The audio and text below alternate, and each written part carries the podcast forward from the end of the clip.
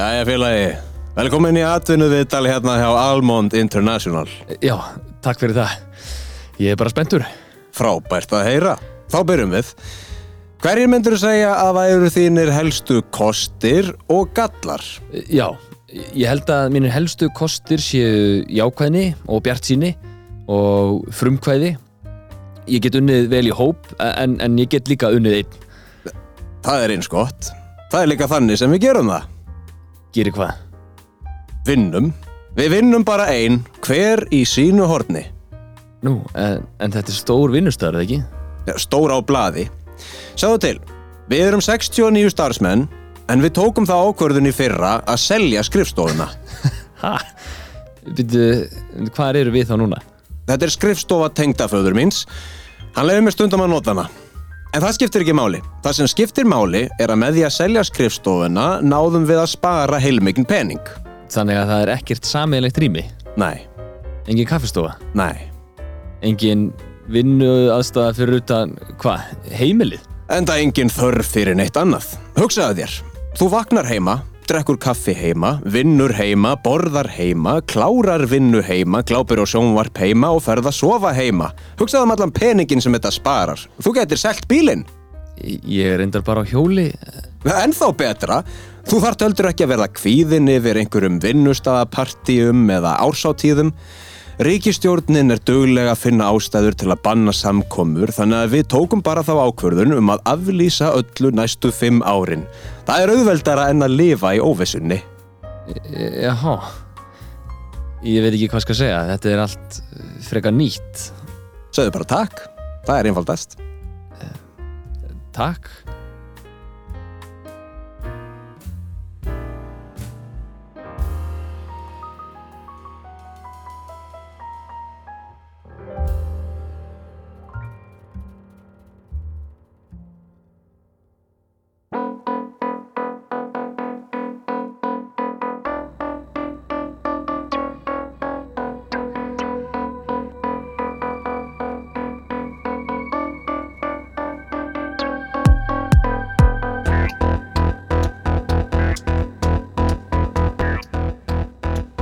Fólk, verið velkomin í þátt númer 17 af hlaðvarpinu heimsendir. Hingaði komin góðu gestur, Jónas Alfreð eh, Birkisson. Lesaður. Blessaður, verður velkomin. Takk að þið fyrir. Herði, við erum hérna mættir í dag uh, til að ræða, þetta er eiginlega sko, þetta er eiginlega þrýþætt umræðefni. Mm Það er gerfugreind, Já. það eru geðsjúkdómar Já. og það er einhver svona greining á þessari einangrun, uh, samfélagslegu og einstaklingsbundnu sem fylgir ímsu til dæmis faraldrinum COVID-19. Já, og líka kannski bara samspil þessara þátta. E, sem sagt, geðræn vandamál og, og AI, hvernig það kannski spilar inn í einangrun. Mm Það er límið. Hvenær byrjaði þú að, að svona pæla í þessum hlutum? Sko, uh, ég er raun og verið kynnist því sem ég kynnist best er ADHD og ég er ekki með ADHD sjálfur ekki sem ég veit af allavega. Um, en ég gerði, ég gerði hérna var að vinna með uh, fólki að gera kynningamindbund eða svona kynningarherferð á ADHD fyrir ADHD samtökin. Og þar uh, var í raun og veru hugmyndin að einhver sem er ekki með ADHD eða þekkir ekki ADHD mjög vel fer og hittir fólk sem er með ADHD á alls konar uh, stigum eða alls konar skala eða fólk sem tengist ADHD eins og geðalagnar eða markþjálfar eða, eða þess áttar eða, eða bara frangatastjórar í rekstri sem að mm, er kannski að ráða fólk með ADHD eða eitthvað annað. Og uh, þar bara opnuðist augun mín fyrir þessum heimi sko. Og mér finnst ADHD alveg sjúklega áhugaverður eiginleiki mm Mhm. og mér finnst það líka svolítið skemmtilegt sem að þessi, þessi herfer gerði var að hérna, ekki tala um einkenni uh, ADHD töluðum um eiginleika Einmitt, af því að einkenni er svo neikvægt hlaði sko. þar fór ég doldið að spá í ADHD og talaði við geðlækni sem að e, er ótrúlega áhugaverðu guður sko. hann vildi meina það að um, stærsta samfélagslega e, meinið, ef að þannig má orðið komast e, fjárhagslega og kannski það sem við hugsaum um í glæpum og öðru e, stærsti áhrifavaldurinn er líklega ADHD hann vildi meina það að allir ef, ef, ef, ef, sko, langflestir ef ekki allir í fangilsum á Íslandi eru ADHD einmitt. og hann vildi meina það að við getum greint uh, bara allt upp í 30% af þjóðunum með ADHD og það væri ekki sérlega slæmur hlutur því að það er ekki talað um það að allir með greiningu þurfa að fara á lif fólk finnst mér oft búið að setja samanmerki þar á milli. Um, en þú veist eins og með fólki sem ég talaði við fólk bara fór eftir sínu einn höfði sko. þú veist hvort það er pró, sumur prófuðu lif fílaðu ekki hætt á þeim sumur, sumur vildu bara ekki lif aðrir töluðum lifin sem bjargvætt Mhm. um, þannig að hann talaði um það að, að, að ef hann myndi fara og greina uh, að lækka standardin á anti-hátti-greiningum og fara síðan í að hérna, líka setja smá púður í það að skoða mismun uh, anti-hátti á milli kynjana, það sé að kalla anti-hátti og, og hvenna anti-hátti er tölvört öðruvísi Mhm. Að þá getum við greint, einmitt, ég man ekki alveg minnir að það verið 30% af þjóðinni, eitthvað svo leiðis og það væri bara beneficial sko. Já, já, já, að fólk viti sem sagt af þessu af Já. þeirri greiningu og getur þá bröðist einhvern veginn við henni. Já, í raun og veru bara það er e, fólk sem hefur greinist setna á lífsleginni með ADHD það upplifir sig kannski í gegnum þetta skólakerfi sem eru með bara sem heimskaran aðri nefnendur, heimskaran vinni sínir eða bara get ekki. Og e, flosna frekar upp á námi. E, og enda oftast á því að e, brjóta sér niður og í því náttúrulega fylgir því að þú kannski mentaði ekki, fari ekki starfið eða fer ekki að sömu braut eða langað að fara þegar þú varst fullur af draum og þrám. En svo er það líka það sem þessi gelagni talaði um um, hann, hann heitir Haraldur?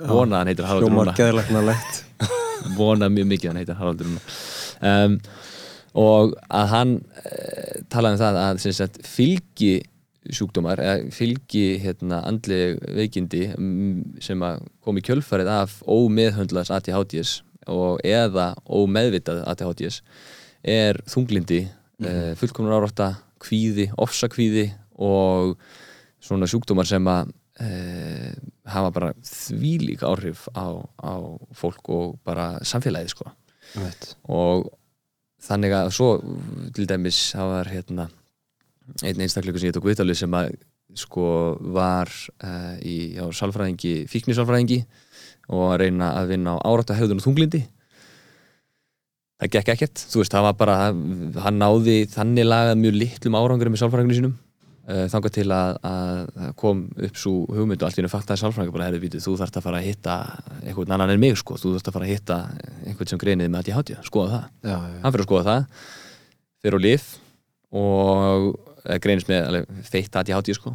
Og fyrir á lif og endar á því að, að hérna um, þannig lagað, þú veist, þá, þá minkaði árættahöðunin strax hann fór á meðhæðla að ég hátíð og þunglindi minkaði líka tölvört þannig að í raun og veru má hugsa um að ég hátíð að einhverju leiti sem sem kvöldum bara miklu í vegg sko. Mm. og ef að, ef að hérna, e, það er verið að, að meðhöndla afleiðinguna sem er kannski þunglindið eða ofsakvíðin eða, eða áráttahauðunin eða eitthvað þá ertu í raun og bara málið vandamálið. Þú ert, að, Já, þú, ert að, þú ert að vinna frá öfu og menda og svo ef þú ert færan þá að frekar að taka niður málinguna og síðan skrapa burt mikluna og mála síðan yfir og þurka þetta sem að væri þá að fara að byrja á réttumenda og meðhandla að í hátíðið sem er undirlíkjandi eh, hérna, orsökin að þá meðhandlaru hina sjúkdómana eh, oft í leiðinni sko. já, down the line eins og maður segir á góðri íslensku Já, eins og eh, tónlistamæðurinn sagði. Já. Nei, hann lendar, he, he walked the line. Walk the line Nei, þetta er áhugavert og það er gott að minnist á sko, skólakerfið uh, að því ég held að það sé svona tilneying til að líta á þetta sem eitthvað skonar vandamál um, jafnvel sko á, á, á þeim uh, á fjær endanum um, eitthvað vandamál sem þarf að plástra leysa þar. En á hinum endanum, þú veist, í kannski í skólakerfinu, þegar fólk er ungt uh, þá er kannski þá félast kannski tækifæri í uh, þessari greiningu sem við talar um. Já, algjörlega, og líka svo var þetta svo sjúklega áhugavert að því að stráka ADHD er oftast meiri ofirkni, meiri svona æslagangur og, og læti og þú veist, krakkarnir eru bara, þú veist, við vitum allir að henni svona ADHD strákur. Mm -hmm. svona brjálaðislega ofirkur um, og hvenna ADHD greinist miklu miklu síður eða bara, líka bara eða, eða setna, sko, og það er því að í tölfræðinni þá sýnir það að stelpur eru hlétrægari það er ADHD er ekki líkamlegt það er andlegt að einhverju liti það sem að ekki að það er í, í raun og veru getur rétt ímyndaðir að þetta sé eins og suð í heilanum. Mhm. en þegar þú ert að reyna að hlusta á hvað kennarinn er að segja þá er það bara eins og einhverju sé bara bzz, á meðan og þú ert bara sveimhuga. Það eru oftast mjög stiltar uh, afbjörða námsmenn út grunnskóla. Mhm. og svo byrjar þetta að versna í mentó. Þá fara það að missa tökinn á náminu uh, en það er upplifað sig sem að mörgu, uh, svona, að því sem ég hef heyrt að hérna, uh, upplifa sig sem heimskari get ekki eru Einmitt. á meðan strákarnir oftast leiða út í ofbeldi, læti eða fíkni vandamál og síðan glæpi sko. Já, já, já, sem er svona uh, the worst case scenario náttúrulega það er náttúrulega allir þar. En það er að því að hérna, þú ert að leitast til þess að deyfa þetta þessi, þessi, þetta suð, þessi læti og, og þannig að stelpurnar sem að eru kannski afbyrða námsmenn í grunnskóla þær fá ekki þann stuðning sem þeir þurfa einmitt. og strákarnir þeir eru nú bara settir í, í herbyggið á bakvið sko, það sem þeir eru ekki að trubla hérna þetta Sko, maður hefur heyrt eitthvað svona útópiskar pælingar um, um hérna, hið fullkomna skólakerfi sem Já. er mjög svona sveigjanlegt og fjölbreytt af því að öll erum við mjög fjölbreytt, þú Mhm. veist og, og meira að segja fólk sko sem væri þá kannski með þessa greiningu, segjum 30% þjóðarinnar, já, já, vantarlega mjög mikil fjölbreytni innan greininga líka. já. Uh, samt erum við með tiltölulega einsleitt skólakerfi það er Og- alveg bara, bara nákvæmlega eins já, alla, sko. já, algjörlega og hérna sko fyrir mína parta bara svona svo ég reyna að tengja uh, sko heim að hérna uh, nú er ég farin að standa mjög mikið. Er hér stend ég og tala. Ég sit eins og góður skólastrákur. En þú veist er bara hérna það, það er svona mín helsta tenging. Nú er ég ekki með neina greiningu og uh, gekk bara nokkuð vel í skóla í þessu hefðbundna kerfi. En uh, sérstaklega svona setni árum þá fór ég að finna rosalega uh, fyrir svona einhverjum óróa í kyrsetunni í, í því að þurfa að vera kyrr klukkutímum saman. Já, já, já, já. þú veist um, og það, það hefur svona að einhverju leiti skánað með því að ég geti staðið ef að, ef að svo ber undir sko en, en hérna hvenær uppgötuður þú getið staðið? Ég held ég hafi verið svona fimm mánu nei ég veit ekki hérna ég ángur ég sko án, án alls djóks þá var ég hérna í sko háskólanum þú veist þegar ég var í hérna verkfræðinni í háskólanum sko þá stóð ég oft aftast í kennslustofunni uh, einhvern veginn haldandi á glósubókinni eða tölfunni um, í einhverjum, einhverjum íþróttaskóm og oftar en ekki sko í hálfu splitti sko eða þú veist spíkandi eða eitthvað. Um, að því að þú veist ég fekk bara svona óeirð í fæturna ef ég satt of lengi og þá náttúrulega gæti ég ekki einbett mér að einu eða einu af því þá var ég bara komið með eitthvað svona óþægjenda pyrring í fæturna. Já, já, ég veit ekki hvort að sko ein lausn í skólakerfinu væri að hérna brjóta kennslustundir upp með einhverju smá reyfingu eða þú veist ég veit ekki. Einhvern veginn að- að fá meiri fjölbreytni í uh, skóladaginn til dæmis með reyfingu eða einhvers konar. Og svo er náttúrulega annað. Svo er náttúrulega hérna öll yðnment já, já. Þú veist uh, það er einhver svona háskóla mentaróki sem hefur gert það að verkum að uh, færri held ég núna samanborið við, við hérna, fyrri tíma líta á þann möguleika sem físilegan að fara í eitthvað innám. Já, já, já, já. sem gera það að verkum að það er oft skortur á fólki með yðn, yðn, yðnmentun já, já, einmitt. Já, ég vil langa að spyrja þig fyrst. Já. Fekstu einhvern tímann komment á það frá einhverjum í stofunni eða eitthvað kennarinn að vera standandi aftast Örglega, sko, já, örglega ég meina, ég held að krakkarnir svona sa samnemendur hafi átt að segja á þessu nokkuð fljótlega. Uh, Það veri maður standandi fyrir aftast standandi maðurinn. En jú, ég held ég að örglega fengið frá kennara eitthvað svona, "Hörru, það er sæti, það er sæti laust þarna. Og ég eitthvað, nei, ég er góður, takk samt eitthvað svona. Nei, sko, en með, með skólakerfið, það var hérna, ég var í, í uh, ég flutti til Íslands og byrjaði hér í, í nýjöndabæk frá Noregi. Mhm.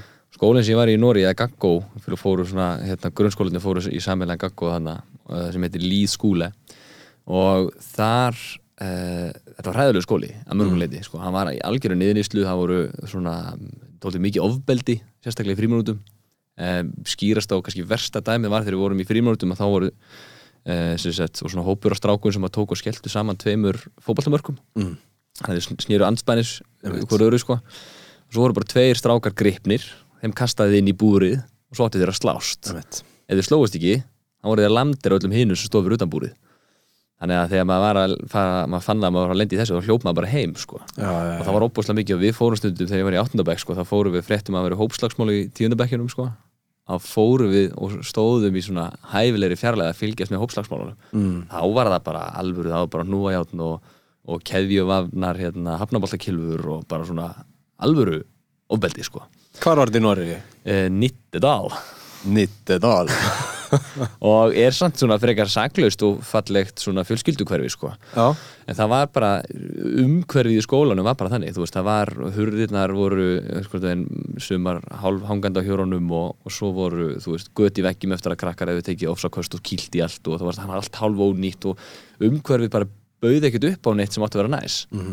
Svo þegar ég flytt e, og ég fer síðan til Norex í heimsókn 2010 flytt ég sem þess að 2008 rétt fyrir hrun, sjúklega pyrrandi mm. um, og já, þar, þá kom ég tilbaka. Það var búið að rífa gamla skólan, byggja nýjan og breyta kennsluáttum þá var það, ég heyrði þetta 2010 náttúrulega, þannig að dóldi örgað uh, en uh, ég selja ekki dýrin en kefti það, mér minnir að vera þannig að, að hérna að þá var það 8. 9. og 10. bekkur voru náttúrulega í sértímum það var miklu meiri sameiginleg kennsla það voru stærri, það voru fyrirlestra salinni voru nýttir og byggður svona og allt svona tækjabúnur var top notch það var svona hérna tölvutöflur og alls konar dót en svo voru þeir með tíma sem að það voru litakóðaðir hérna árgangarnir þannig að þeir voru kannski sameilegum starffræðitíma 8. 9. og 10. bekkur já, já. og þá þurfti og þú veist, þá voru þið að gera svona hérna, verkefnatíma og þú sem áttundubekkingur kannski leitað til tíundubekkings sem var kannski með sama litakóð og þú rauður eða eitthvað. Og þá ætti hann að hjálpa þér. Já. en tíundubekkingarnir virkuðu meira sem uh, svona mentorar fyrir nýju nefndunnar og þurfti að hjálpa staði námið. Þeir voru kannski komin upp í starffræði og mann ekki hvað þessi áfangar héttu skiljum bara áttundubekkur er bara starffræði 100 og tíundi 300 eða eitthvað. Og svo þú veist það var miklu meiri svona samhugur í kennslu slagsmálun hættu bara Einmitt. þá bara hætti þetta ofbeldi það hætti einelti droppaði um, þú veist og það varð og það var bara miklu betra umhverfi fyrir eh, sko hérna eh, félagsvist eða þú veist, er vinskap og félagsvist í staðin fyrir að maður, ég veit ekkert hvernig tölunar eru með betri námsárangur sko, Nei, nei. en, en þú fegst helbriðari úlinga út úr skólanum En það fer það bara eftir mæli hvarða eða þú veist, það er að segja með námsárangur. Já, já, ef þú breytir hérna mælistekunni þá færðu mismunandi ekki bara árangur. lækka fallningunir í þrjá. Já, eða bara ég veist, eða bara fara að meta líka eitthvað svona skilur já, mitt bara hérna þú getur fengið góð engun fyrir að hjálpa einhverjum að læra starffræði eða þú veist, einmitt, það, er vantilega ekki bara gert fyrir yngri nefnendur heldur uh, læra eldri nefnendur líka á því að kenna já, já, og miðla, og þú þarf, náttúrulega þarf að kunna námsefnið tölur betur til þess að geta miðlaði sko. vissulega sko. En það fannst mér mjög áhugavert sko. um, í, í því því ég held að það sé, þú, ég meina svo fór ég bara í vassendaskóla hérna heima og það var, voru líka slagsmál þar. Það var bara, fór ég sama, var hálfkláraður skóli og þú veist, maður var kannski kildur í magan á, leiðinin í tíma bara sama rugglið já, það en sko vissulega eru einhverjir skólar svona, hvað segir maður að vinna innan ákveðins ramma og að gera einhverjar breytingar. Já, En er þetta ekki kerfið í heildinni sem kerfið í heildsinni sem þarf að uh, breyta? ég er rosalega skotin í einni pælingu, ég hef ekki hugsað mikið um þetta. Þannig að Nei. ég er svona smá doing on the fly. Já. en ég er rosalega skotin í hugmyndinni um staði fallið. Mm um, sem að eins og verið í listáskólanum Já, já, já, bara svona undir lok eða, Já, þú annarkort felluru eða þú fær staði Já. því að núna það var svona eineltis eða svona, hérna, já, svona eineltis eh, kveikja föttuðu, uh, fattaði skólakerfið þú veist. já, ég er, er frábær nefnd ég fæ tíur og nýjur og svo ég kannski fekk bara sexur þá var ég bara upplifði ég mig sem sexu skilur, Já, í já. skólakerunum mér fannst ég bara vera heimskur já. eða mér fannst ég ekki, ég þurfti að vinna meira og ég veit ekki okkur, ég skildi þetta ekki en hinn skildi þetta og, og svona, þá býrðu til statussystem inn í skólanum og þannig býrðu líka til skiptingu Einmitt. og þannig að ég kannski hangi frekar með fólki sem er líka fyrir sexur eftir við getum talað um sammelega hluti þannig að þau fóru að breyttu þessu í hérna, ABC-kerfi Mhm. sem að uh, gerði bara það sama en bara það voru með stærri hópa já, já, já, ég, ég man ekki, B er um hvað, milli 7 upp í 8,5 eða Já, eitthvað. já. þannig í staðin fyrir að þú væri 8,5 og hinn er 7 þá er því bara báðið með B þannig að þú bara, þú búst bara til færri hópa en þú, stakk, þú stakkaði bara mengin sko um, en staði fallið því þá getur þú farið að innleiða sko um, færni frekar heldur en sko hérna prófa vitnesku Já. ég próf eru svo sjúklega banalt fyrirbæri að það getur verið það.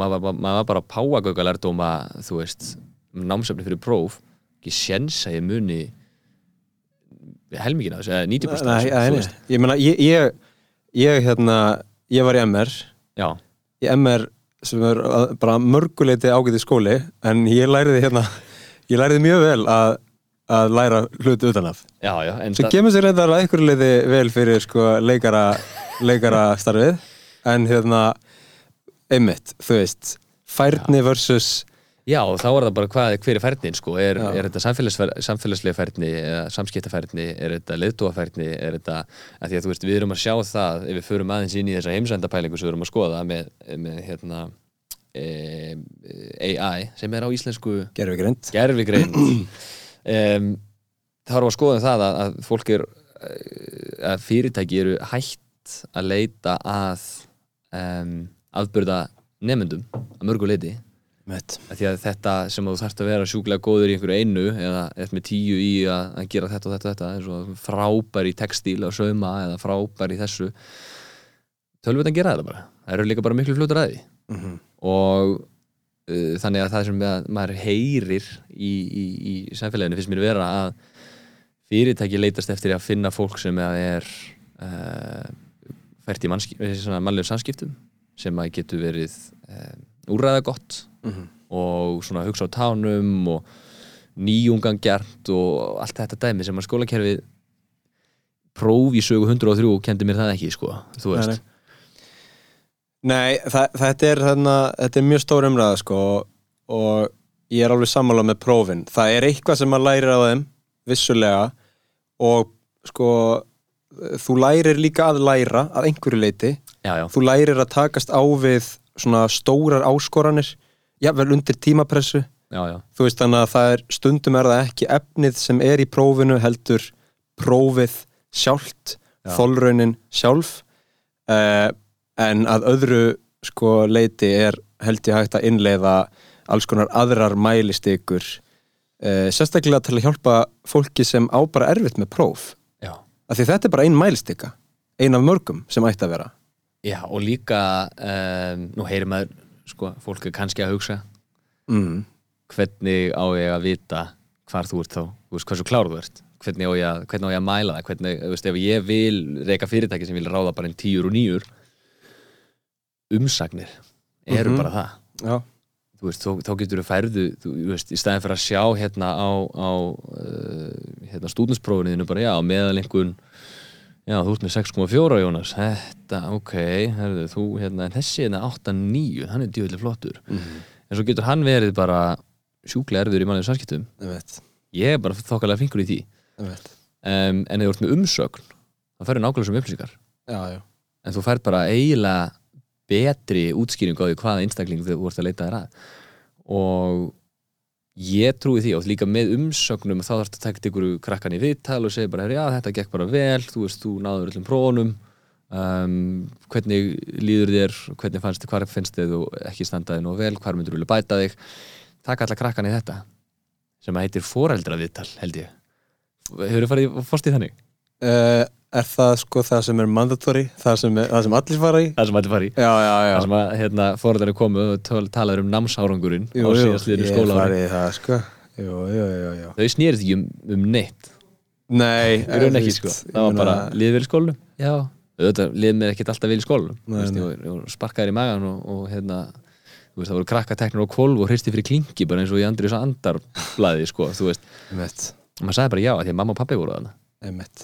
vildi þetta ekki vera með þessin en þannig að þeir voru komin í, í kerfi sem að kennarinn, hann verður í alvörun að skoða.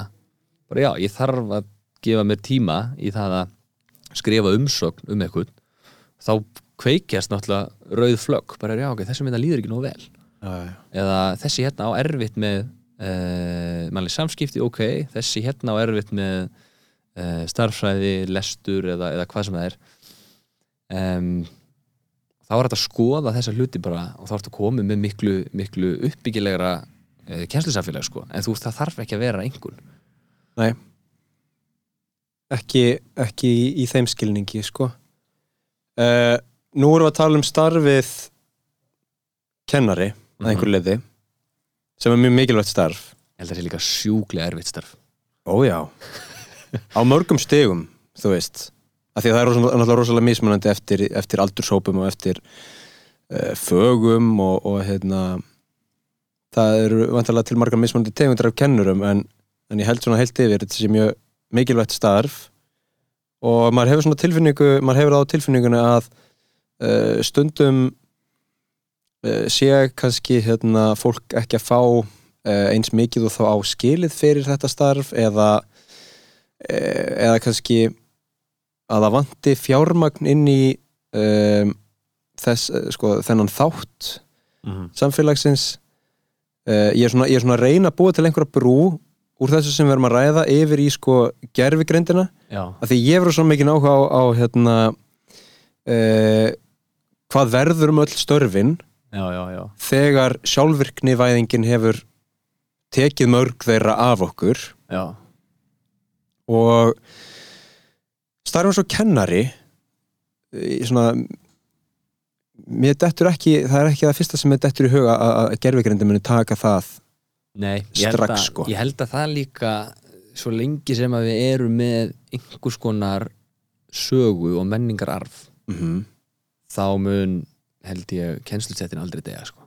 Nei, Af því að það þarf að miðla reynslu fortíðar uh, til nýra kynsluða aha og jújú, jú, þú gætir alveg verið með hérna, tölvu sem að tekur saman bara geggjaðan pakka.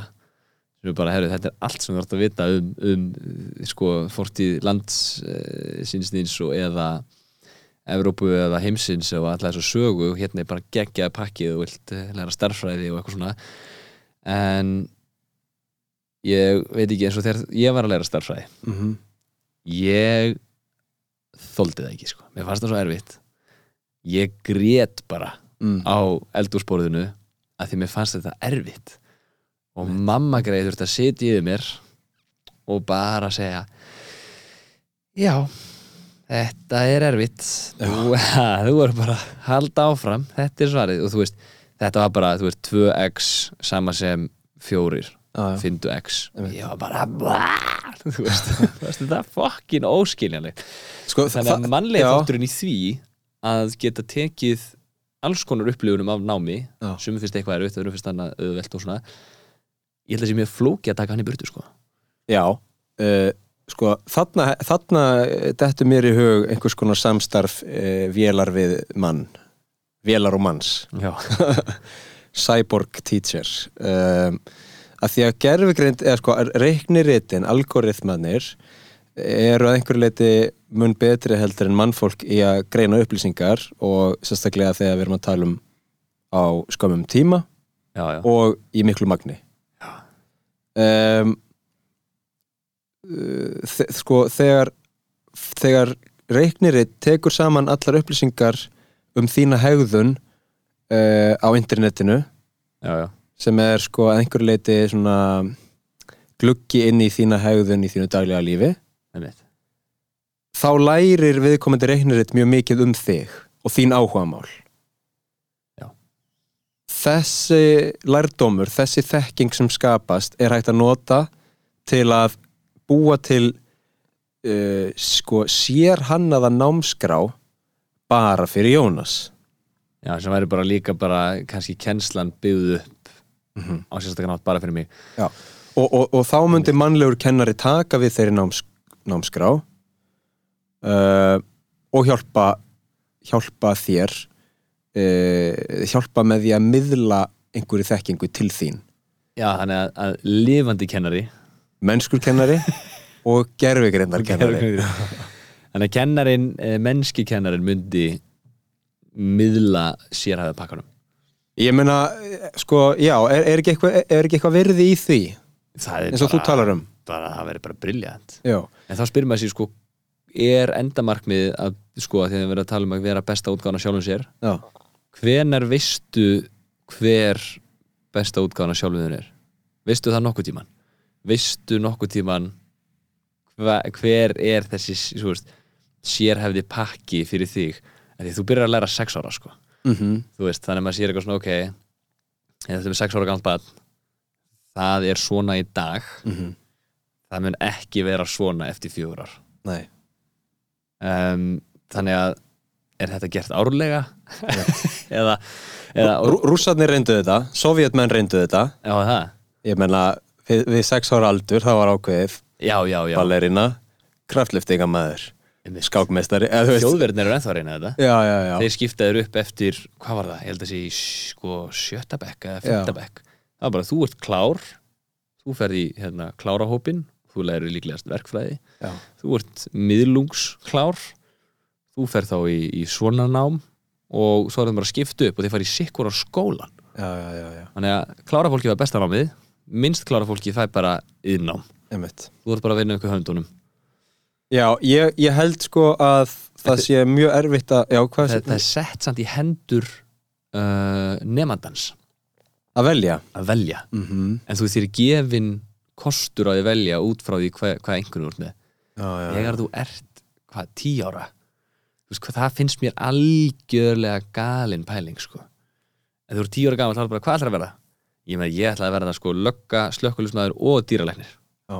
Ég hefði verið í 300 brúst starfi ef ekki meira sko.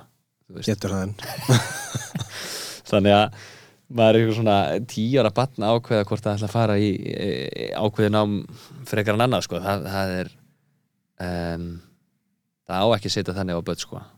Nei, en, en erum við ekki sko, erum við ekki að bera rángar linsu, þar að segja erum við ekki með vittlöðs gleru á okkur akkurat núna, erum við ekki að horfa á þetta út frá gamla kerfinu sem er uh, ætlar að vera þetta eina starf eða ætlar að vera þetta eina starf? Já, já, já, já. í staðin fyrir að sko brjóta þessi störf upp í minni einingar um, og skoða hvað virkil, á hverju hefur þú virkilega áhuga á um, og hvert leiðir það þig og eins og þú segir kannski endur skoða valið á ársfresti eða hálsársfresti Nei, en, en sko að pakkan já, pakkan það er ekkit valið það er, ef það er skrifað fyrir því pakki. Aha.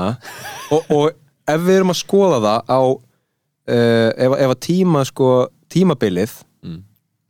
eftir því sem það verður minna og minna segjum að við skoðum það á hverjum degi já, já, þá verða breytingarnar á pakkanum svo litlar smá breyting í dag, smá breyting á morgun.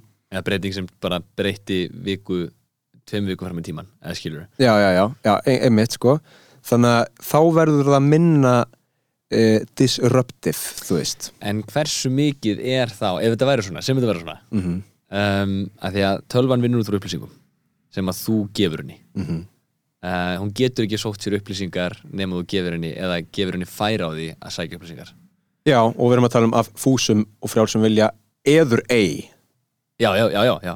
upplýsingarna þurfa samt að vera til staðar Já. þú veist hún væntalega byggir grunnpakkan á fyrirframgefnum upplýsingum af mjög ungu barni mm -hmm. það eru bara ákveðnar uh, alls konar upplýsingar sem hún er með tölvan hún velur þá fyrir þig þannig að segjum sem svo að þú takir ákverðurinn í fjögur ára að hafa sjúklega áhuga af bílum og hérna, þú ert kannski 12 ára, eða þú ert kannski segjum bara 14 ára upp í 18 ára hefur þú bara frekar mikið áhuga á bílum? Mm -hmm. Þú googla bíla, ert að skoða hérna, einhversu bifilega virkja vídeo á YouTube og ert bara svona, kiftið þinn fyrsta bíl og ert 16 ára og gerðir hann upp og kerðir hann loksins og 17 og ég held að tölvan þess að það er löngu búin að velja að þú vinnur við bíla. Og, en breytur hún afturvirt en breytur hún ekki bara framvirt því hún getur ekki breytt afturvirt, þú ert búin að læra það sem þú ætlaðir að læra. Ég held að hún hljóta að skilja að um, uh, sko, það, það, sem, það sem var áður, það sem var í fortíðinni það er það, sem er í dag er afleiðing fortíðarinnar. Já, já, en hún, hún ræður, ræður uh, sagt, startpunktunum Já, já, já, þannig hún í raun og veru stýrir afleiðingunum. Einmitt. Um, já, já, ég veit ekki alveg hver hérna, spurningin er. Sko eh, ég held að hérna, þetta gæti verið rosalega gott kerfi. Já, já, ég held líka að þetta gæti verið mögulega mjög slemt kerfi. Af því ég held mögulega að þetta geti líka búið til einhvers konar svona echo chamber svona, svona bergmálshelli. Já, já, já, já. Þ- þú veist, ef að, ef að hérna reikniritið byrjar að uh, svona, hvað segir maður bara vaksa með þínum áhuga þá mun það mögulega presenta fyrir þig meira sem kveikir meiri áhuga sem presentar þá meiri áhuga og af stað fer einhver keðjuverkun og þú endar í mjög uh, með mjög mikinn áhuga á einhverju einu já, já. en varðst aldrei fyrir sko um, þeirri uppljómun sem hefði orðið ef þú hefði bara rannsakað eitthvað allt annað. Það hefði geta orðið. En það er einmitt það sér að meina, sko, því að ef að tölvan tekur einhverja ákvörðun um endamarkmið sem hún gerir með fyrsta pakkanum þá er hún búin að ákveða uh, allar afleiðingar þess að þetta sé þessi pakki mm -hmm. skilur, með eitthvað markmið í huga. Þannig að óumflýjanlega verður allt lífið þitt í, í þessa stefnu. En þess vegna er mannlega faktorinn svo mikilvægur já, já, já, já, í kennslu, en ég held að kennarastjettin og það er þetta að færa við getum tekið upp annað þátt á morgun sko, um, um, um hérna eins og varst að spura um áðan með hvort að kennara séu að fá uh, sæmileg að borga fyrir sína vinnu eða hvern, hvernig kennarastarfið er. Ég held að það er sjúklega erfitt að, að sitja hér og hafa uh, skoðnaði sko, því að ég veit ég hef verið að kenna leiklist fyrir krakka á aldrunum núna nýju upp í bara fullur, fullur fólk. Ég er búin að vera með tveggja verðan áskið ég hef rosa gott að því að fá eina viku þegar ég er búin að vera með nýju upp í kannski 14 ára börn í tvær vikur sko. Mm -hmm. 5, eða 6 tíma á dag. Þá var ég bara hú kannski á næsta ári aftur. Þú veist þannig að maður er komin í bara við þetta er náttúrulega alveg klikkað álega sko Já, og við erum sko í mjög háflegum pælingum um uh, sameinlega þróun gerfigreindar annars vegar og uh, mentakerfisins hins vegar. Já, og það er náttúrulega sko óraunhæft að uh, skella þessari ábyrð á kennarastjættina, skilur já, já er Þau hafa bara fullt í fangi með uh, þeirra kennslu og við þurfum að fá eitthvað hérna, miljardamæring til að sponsa eitthvað think tank skiluru um, til að pæla í þessu af því að þetta er náttúrulega ormagrefja annars vegar en mögulega leiðin að mun betra mentakerfi hins vegar en enn og aftur um, við ætlum ekki að skella því á kannski En er mentakerfi ekki bara ágætt? Ekki í gamla skilningum ágætt er betur en best. Uh, heldur í nútíma skilningi þar sem að ágætt þýðir bara nokkuð fínt. Jú, ég held að hérna, sem svona kerfi sem er til staðar uh, þá sé það bara fínt. En sem kerfi sem allir þurfa að ganga í gegnum og uh, aðrir möguleikar eru ekki gerðir sínilegir fyrir þeim þá sé það svolítið einsleitt, skilur hvað við? Það er mjög einsleitt sko. Já. En ég er að hugsa um bara svona sem um, að að þú veist ég er, uh, ég ætla ekki að fara alveg út í alla þá sálma en ég er svona með dóldi þá skoðun að, að hérna, það er mjög mikið sem mætti betur fara í metakerfi Já, já, já, um, en hins vegar þú veist, miða við að þetta kerfi sé uh, þú veist, við erum 2000 ára gamalt mm í raun og veru, það er bara, aðja fáðu sæti, ég ætla að segja það svo litið mm. og þá lærur um, þá hefur það virkað þokkalega vel sko. Já, ég meina hvar erum við í dag, skilur og hvar vorum við fyrir 2000 árum? Mögulega var lífið skemmtilegra fyrir 2000 árum, ég veit það ekki. Við veitum það, ég er ekki séns að spyrja neitt að spyrja neitt en, en með að við svona tæknifram þróun og, og hérna stærð hagkerfa og allt það skiluru, þá erum við vissulega á allt öðrum stað og að einhver leiti er það mentakerfinu að þakka eða já. kenna. Það fyrir eftir hvernig maður lítur á það. Eða kenna, já. En, en ég er að segja sko að ef að hérna, fólk gengur inn í þetta mentakerfi og fær mjög snemma að vita uh, þetta er bara hérna, eitt kerfi ef, ef að þetta er ekki rétta kerfi fyrir þig þá er annað kerfi í bóði Já, já, já. En þá eru aðrar lausnir í bóði þannig að ég held að ef að það eru einhverju svona valkostir uh, ég veit ekki á hvaða námstíi þæ- þeir væru presenteraðir. Nei, nei, nei. En ef það að því ég held að það sé mjög slemt ef að fólk finnst eins og það sko eigi ekki heima í þessu kerfi og sé þá bara eins og þú segir heimst Já, eða eh, vittlust líður þannig. Já, Já, það er náttúrulega uh, mjög algengt í fólki sem að uh, hefur uh, fengið anti-hátti greiningu annarkvort í námi Uh, á seinni stigum námsferðlisins eða eftir nám.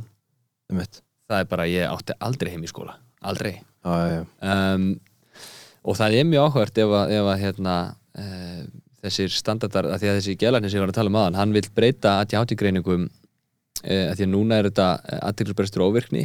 Uh, en hann vil breyta þessu í, í sem sagt, líkamlegt ADHD ADD er til dæmis ekki lengur til í læknisfræðilegum skil, uh, skilgreiningi. Ok um, það er bara allt undir reglífa hugdækjunu ADHD mm hann vil breyta þessu í sagt, líkamlegt ADHD uh, andlegt ADHD og tilfinningalegt ADHD mm. þú getur verið með ADHD í stæðan fyrir að skora bara aðtilsbrestur óvirkni sko. það getur skorað uh, í raun og veru þarf náttúrulega að skora ákveðin stiga og þessu ADHD prófi til þess að fá þessa greiningu Mhm. Uh, og svo vel þar alveg móti líka lækka hennar þröskuld þannig að og hann, ah, við minnir að vera 30 eitthvað prósent, þriðungur uh, hérna uh, landsins sem að væri þó líklegast með ADHD, við Já, erum kannski að tala um það að þriðjungur barna sem er í skóla upplifin sem við ekki heima. Já. Það er náttúrulega ekki gott. En, en þú talaði ráðan um sko eiginleika frekar en einkenni. Já.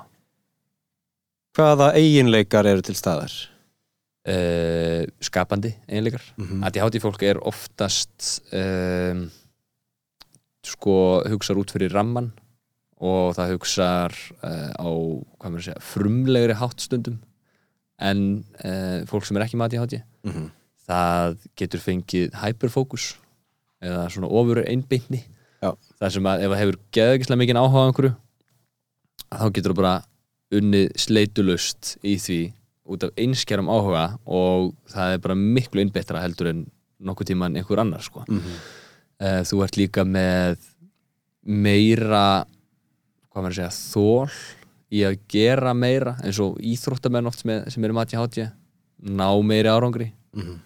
og þú veist þannig að þú ert með alls konar eiginleika en svo er náttúrulega veist, þessi kannski ekki sérlega góði eiginleikar að þú hérna, kveikir nefst í húsniðinu því þú bara varst að elda en svo fegstu hugmyndum að gera eitthvað annað og fórst út sko. já, já, já sem er kannski svona óheppilegur fylgikvilli já, já, já en svo ertu með, en þannig er þannig að, hérna, og margir um, sem að sem sagt, hafa náð mjög miklum árangri í sínu starfi og gert rosalega mikið mjög mikið af því fólki er með ADHD veit.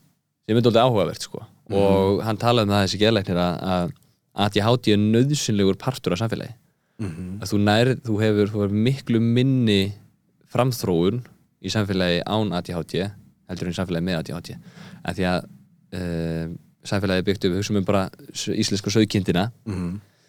þá ertu með ákveðna fórustu kind og hún svolítið svona ræður ríkjum og, og, og svona ákveður ef það er rolla með ADHD í þessum hóp þá gerur, fer hún sína einn leiðir Mhm. og gerir hún hún er ofvirkmaður og tekur einhver ákvörðun og einhver skynda ákvörðun og, og neklir að stað og gerir eitthvað nýtt sem að kannski eh, endar ógeðslega vel.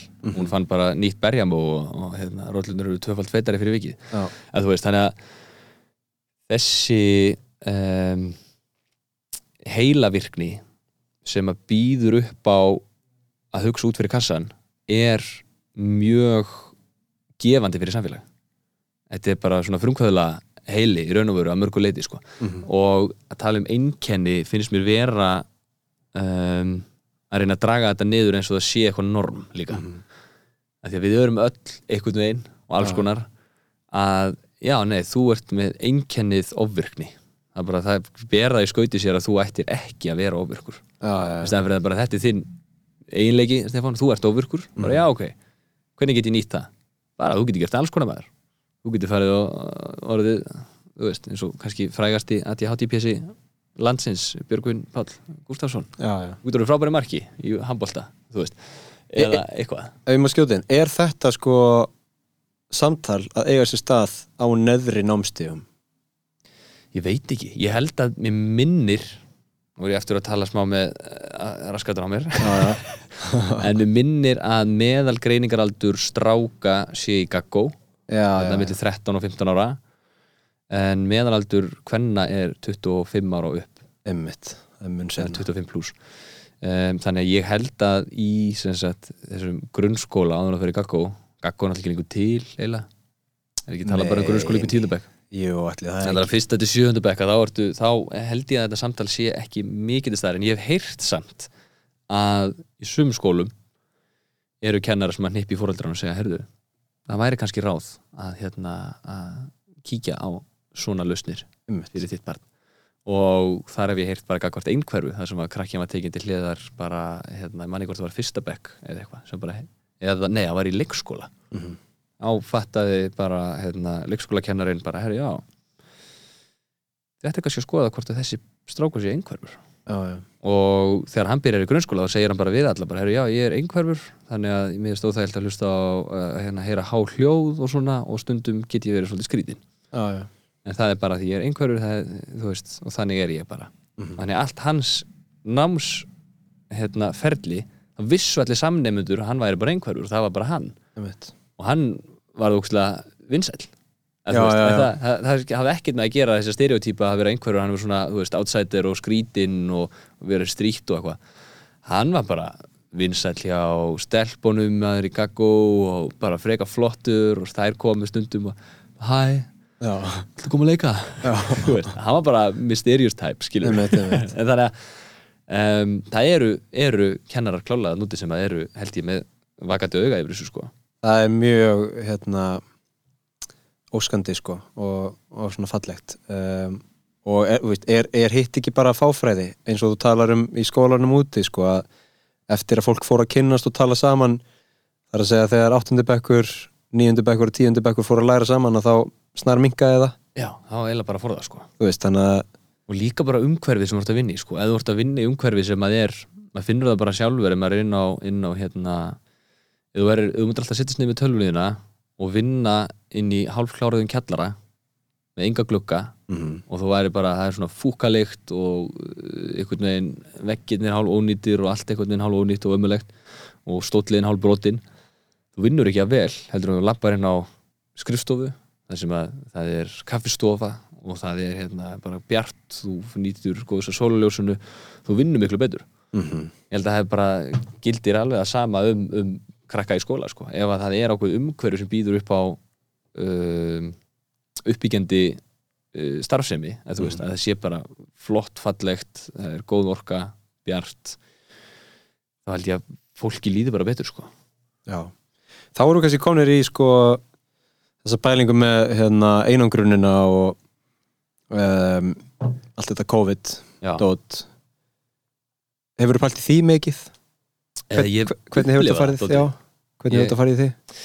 Sko, ég upplifði þetta fyrir COVID, í COVID og við erum enn í COVID þannig að ég get ekki ennþá sagt eftir COVID en ég get alveg lofa þér, ég mun örgulega upplifa einangrun eftir COVID líka um, að því að ég vinn rosalega mikið einn sem uh, ungur leikari sem er að ennþá að stíga sín fyrstu skref, þú veist, og er uh, vinna er ennþá mjög tilfallandi þú veist, ég er ekki að vinna statt og stöðugt. Mhm. um, ég er ekki statt stöð með hlutverk eða, eða þannig.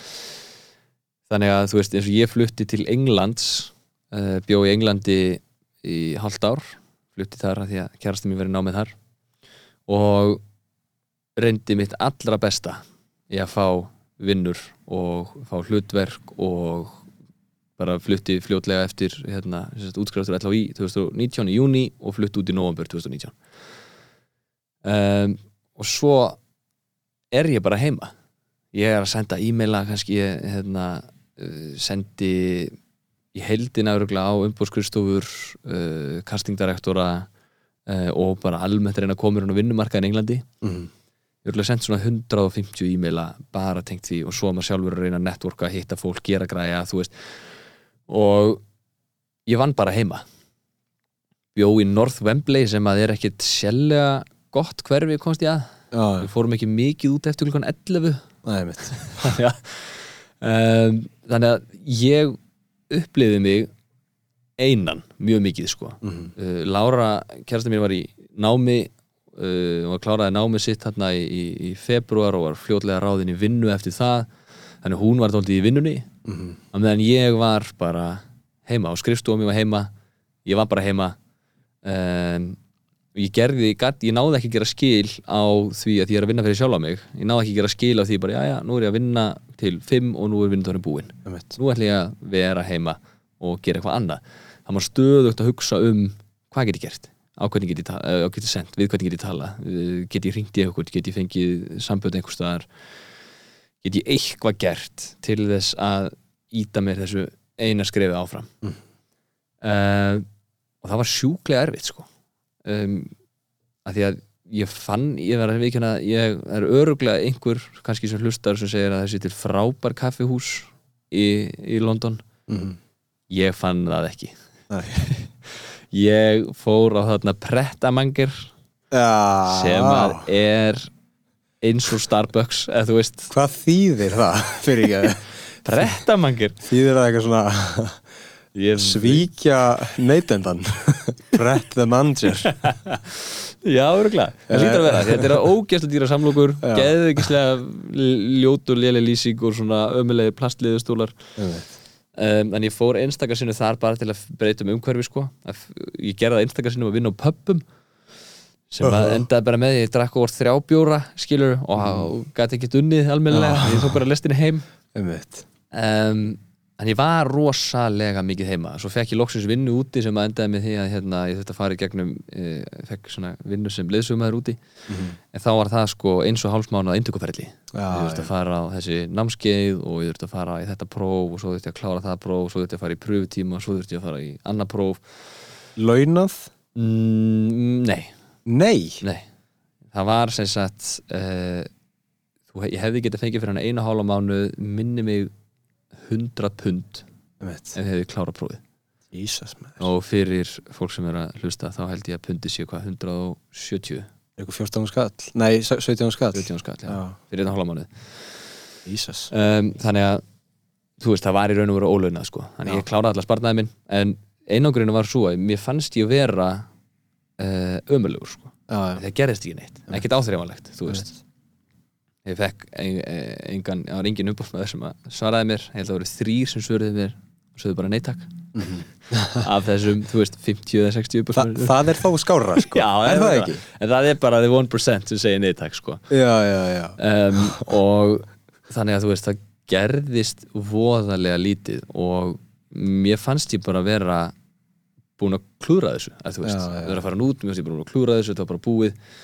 Uh, og fór í þann spíral að ég væri bara ömulegur sko. Já, þú veist, og fannst þetta bara, þú veist, ég átti, átti tvær kvöldstundir með nokkur manna millibili þar sem ég bara kom einhvern veginn, ja, mann ekki hvort ég kom heim eða hætti bara að vinna heima og fór bara í bað kveikt á kerti og fór að gráta. Já, þú veist, það ég var bara, æja nú er ég hættur. Að þú veist, þetta er bara búið. Mm.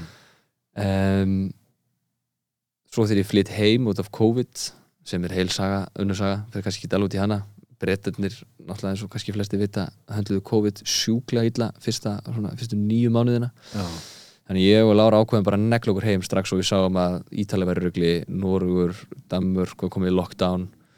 Uh, Frakland var að byrja að spátt með rugli þú veist, þá við og eina fréttin inn á BBC innanlands í Englandi var mögulega á næstu tveimur vikum þurfa 70 ára eldri að einangra sér eitthvað. Já, við erum að tala um það að sko, hvað það er búið nýju miljónir manns í, í London í Eitthvað. London stórsvæði. Já, ég held að að fara á dag einhverju tvær miljónir manns í gegnum sko fucking underground systemi Túbið Já, þannig að það er ekki séns, það er enginn að segja mér að COVID hafi ekki verið að bara að elska lífið í London akkurat á þessum tíma. Þannig að við ákomum að negla okkur heim og ég fljótlega eftir það finn mér stúdíó til að vinni mm og ég lýsi þessu eiginlega sem tilfinninguna sem að maður upplifir svona í mæ þegar það byrja að byrta aftur. Já, já, og maður fattar það ekki hvað maður er þungur Já. fyrir en að byrja að byrta upp á nýtt. Það sem ég bara svona úf það kom bara fargin líkt að mér ég gætt spjalla við fólk sem var með mér í stúdíu um, ég var kannski ekki afkasta meiri Mhm. af því að það var svo gaman að vera með fólki að spjalla Mhm. en mér leið miklu betur og svo þegar ég fór á stúdíónu þá var ég hættur Já. þá fór ég bara heim og gerði bara það sem ég vildi sko, eða fór eitt að vinna mína eða gerði eitthvað Mhm. þannig að þessi einangrun er algjör böðul og ég selða ekki dýra en ég kefti það en þegar við tölum um COVID núna að uh, herrferðin sem var, var ekki fyrra 39, Mhm. við tölum að þessum hérna um daginn að hún þessi tala 39 uh, sjálfsmorð á ári uh, ég heyrði það að fleiri hafa framið uh, sagt, sjálfsmorð umfram þessa meðaltölu í COVID en hafa dáið af, völdum, af, af, af veirunni sko. Mhm. sem að er rosalegt Mikil hækkun og það er, mér finnst sko eitt sem að ég hef haft mikið áhuga á bara svona líka í mínum skrifum þegar ég er að skrifa er þessi andlegi partur mannsins þar sem að hann er að einangrast og hvað gerist þegar hann einangrast og upplifið þunglindi og kannski hefur engin svör og fer bara dýpra því hann er einangrað hann talar ekki við marga, getur ekki opnað sig eða á ekki efnaði farið til sálfræðings Mhm. um, að þú bara spíralar niður í þetta þessa hólu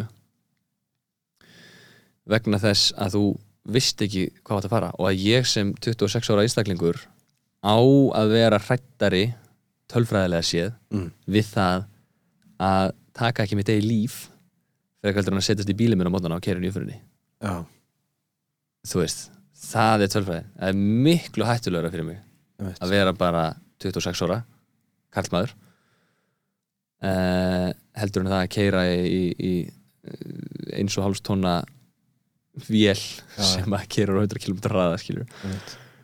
það finnst mér styrlu, styrlu staðarind sko. og ég sé þetta ekki batna með gerfigreind sko. Nei, þetta eru sko, þetta eru þrjú ví uh, Þetta er einangrunin sem þú upplifir í Englandi fyrir COVID sem er náttúrulega magnað sko að þú hafir í raun uh, já, þú veist, þurft að upplifa það fyrir þetta er svona ákveðið forskott sem er hérna, þú veist. Ég náði einu masterclass það er einu masterclassi. Að því að núna eftir COVID þá tengi ég rosalega mikið við það sem þetta segja með þessa einangrun og sérstaklega þessa heimavinnu. Já, já. að það er rosalega erfitt um, að sko mæla hvað maður er búin að gera Já. og láta sér líða vel yfir því hvað maður er búin að vera duglur annars vegar og svo hins vegar að kúpla sig út eins og þú segir. Þú veist eh, ekki bara klukkan 5 heldur líka bara klukkan 11 þegar maður liggur á kottanum sko. Já, já, já, já. og Veist. þú veist, ég er alltaf með síman í rúmunu af því að ég man svo mikið þegar ég fyrir á kottan já, já, já, þá er maður að gera upp, bara heilan einhvern veginn finnst mér að gera upp daginn. Algjörlega. Þá er ég bara, ah, ég þarf að gera þetta morgun, skrifa það í notes einmitt, og svo það tekur mér svona 20 mínútur að klára það sko. Það einmitt. sem ég dæli kannski fjórum-fimm hlutum í, á to-do-listan fyrir morgundagina því ég bara mundi ekki eftir því í dag. Já, ég hef talað um þetta áður í þessu, þessu hlaðvarpi en ég, ég verð að koma þessu á veggin hjá mér. Já, Ég, ég gerði japanst kanban to-do lista Er, er kanban to-do? kanban þýðir bara skilti. Ok. Ég held að þetta komi frá Toyota sko og Toyota fólki var með einhver skilti, já, eitthvað svona.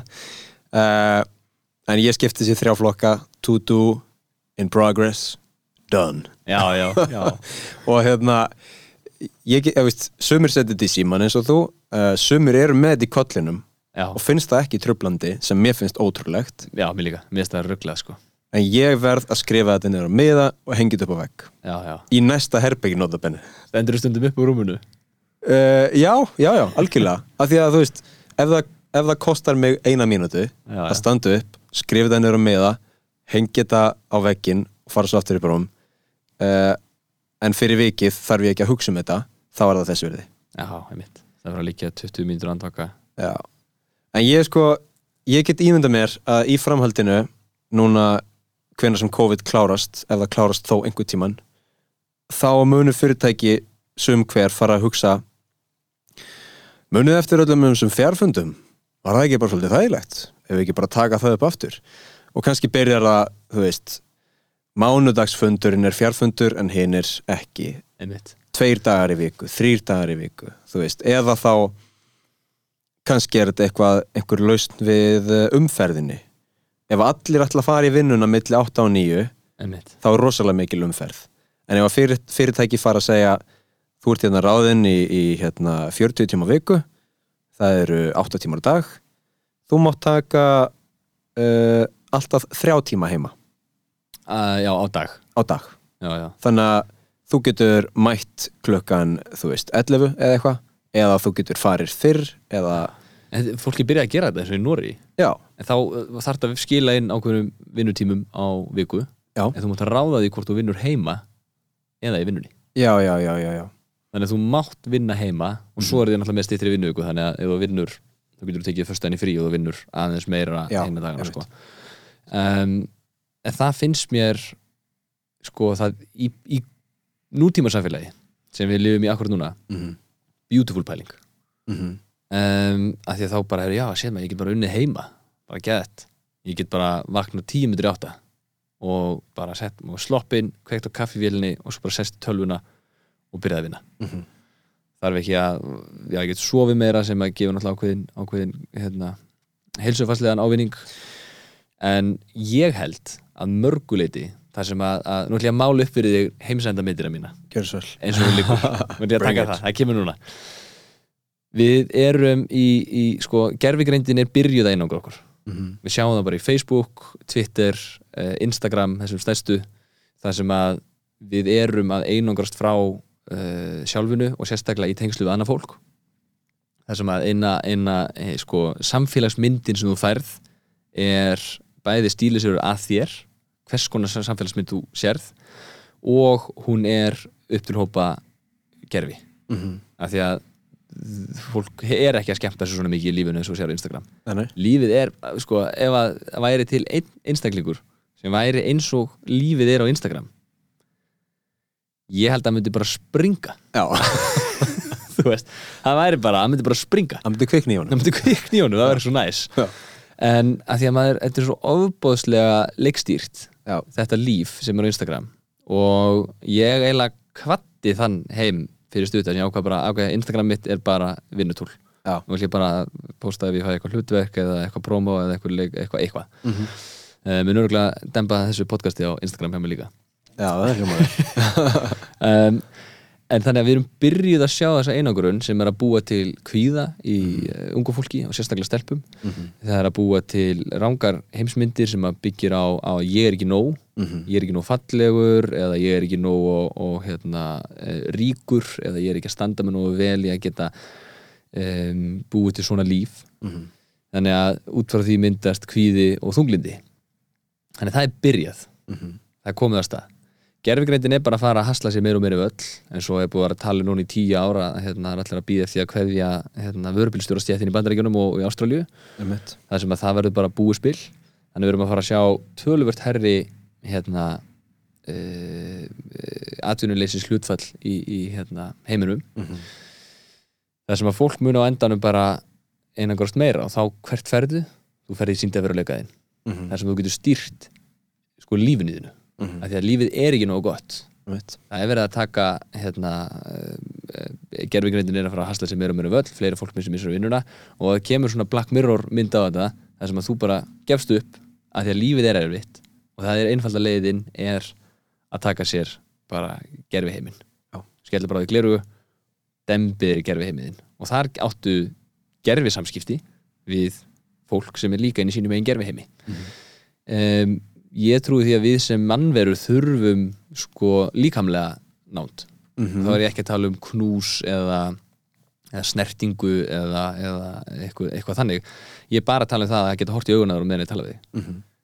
þessi tenging, hún er held ég að því við erum hjartýr svo ofan á það kemur þá mæntalega meiri andleg veikindi hættulegri hérna, hugsanir, við getum farið að kalla það það það sem að samfélagi mun þurfa einhvern veginn að grípa inn í Þú ert að tala um þegar þessi mannlega nánd Hverfur, uh, sko. hverfur. Já, þegar að hún er horfin þegar við hættum að, að, að hérna, hittast Mhm.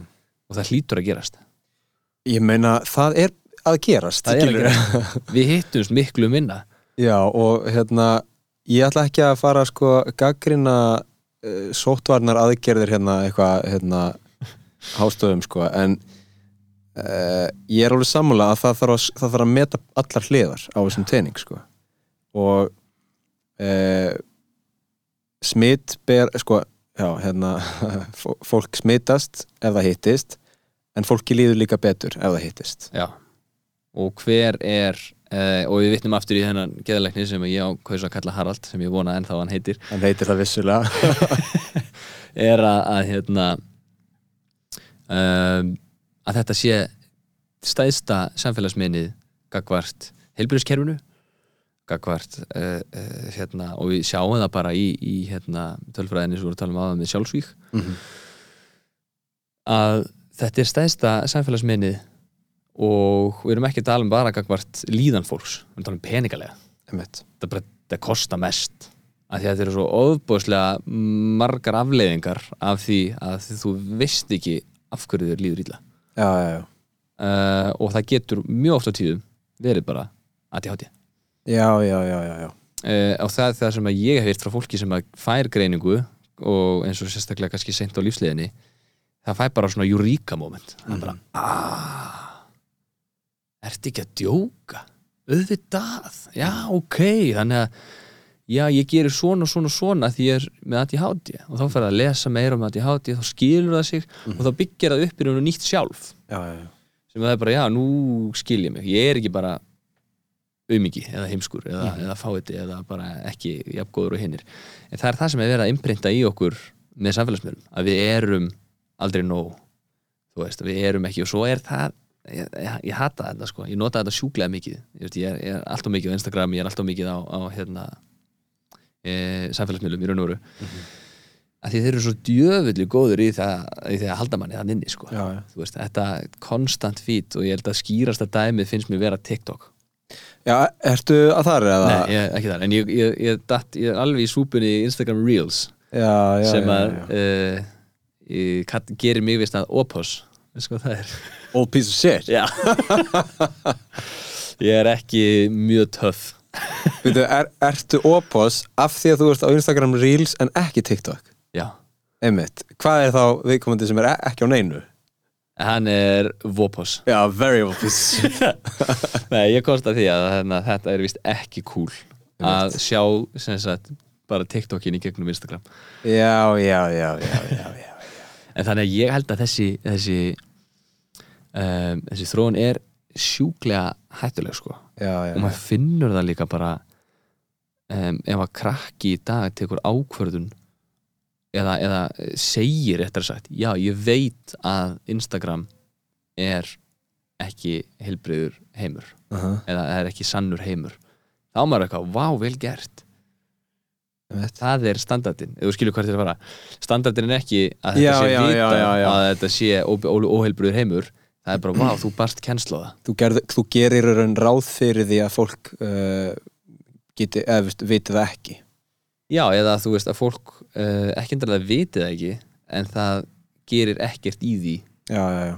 Um, þótt það kannski viti það eða ekki. Það er bara er, er, ekki Já. meðvituð ákvörun í gegnum það. Einmitt, einmitt, einmitt.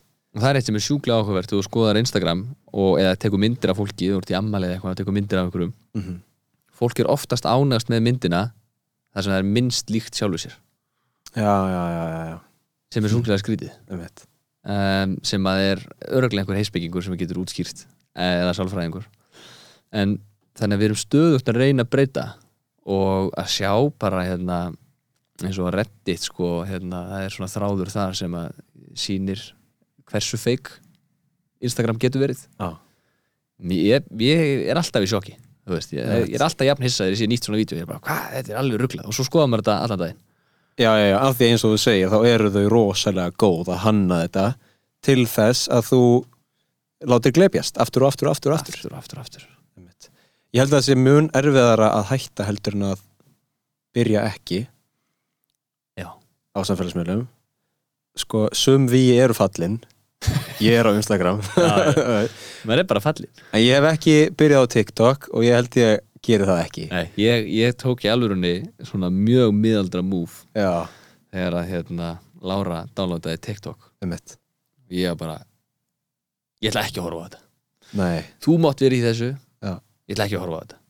Og svo ég, svo reyndi ég að setja eitthvað svona mörk. Já, já, já, hérna ég ég ekki að gera þetta þannig að, þú ert bara á TikTok ef við horfum á þetta saman? Einmitt. þetta sé bara svona felles. Já, þetta sé eitthvað sem að er við erum að gera eitthvað saman. Já, já, já, já, já. um, svo fannst mér ég mjög astnalegur að gera að segja það sko. setja einhver mörk Það eitthvað. féll flat já, mér fannst ég bara svo astnalegur sko, Já. að vera eitthvað kall í einhverju sambandi sem er bara eitthvað þú mátt ekki vera á TikTok nema með mér. Um mitt sem er fokkin aðstæðlegt um, þannig en ég blessunlega eh, ætla heldur ekki að ég er ekki á Twitter. Nei, ekki heldur, ég hef aldrei verið þar. Nei, ég reyndi það sko. Já, ég bara, ég, ég höndlaði það, ég kunni það bara ekki. Ég, ég fannst ég bara að vera heimskur á Twitter og ég hætti bara. Já, já, já. en þetta er, þetta er líka, þú veist eins og ég fór í leikúsum daginn þar sem að hérna, umkonum minn sagði við mig Vá, ég, hérna, svo langt síðan ég farið út. Þetta, bara, þetta var í, hvað, senstugu, það senstugu mm Mhm. langt síðan ég farið út og uh, farið í leikhús að ég var orðin óþreyfull og mér langaði að spóla áfram Já, já, já, já, í leikhúsi. Eh, þetta var Rómi og Júliu, þannig að, að vilja spóla áfram þá er veruleikin alveg fucking farin veist, þá ertu bara komin í bara að, nei, ég þarf, ég þarf örari hérna, skemmtun, ég þarf eins og bara eh, hérna, TikTok er, þú veist, Já, já, já, nýtt, nýtt, nýtt þetta er ótrúlegt sko. Það gerist ekki á- í leikhúsi. á sama tíma er námskerfið byggt þannig upp að sko, fólk er að lesa bækur og greinar og þú veist, það er látið lesa. Hvernig ætlar þú að lesa hundrað blaðsjör annars vegar og horfa síðan á hundrað TikTok-vídeó hins vegar, þú veist? Spanið á aðtiklinni Já. er allt annað. Það er alltaf annað, sko, enda sopnar fólk bara. Og gefst bara upp, skiluru já, Ertu búin að lesa þetta? Nei, ég, ég las þetta ekki, sko. Nei. Nei, ekki heldur. Ég ætla bara hérna, taka glósurnar hjá þessum hérna sem glósar alltaf. Já, já, ég fekk gamalt próf sendt frá Sigga. Eitthvað svona skilur Nei, ég mitt, og þetta er, ég er svona ég, ég er mjög þakklátur Mhm. að mörguleiti fyrir tvent uh, í mínu upp, uppeldi. Það er að ég var þegar að tölvurna voru ennþá hægar, þá var ég allast upp Já. og við þurftum að ringi netið sko, þú veist.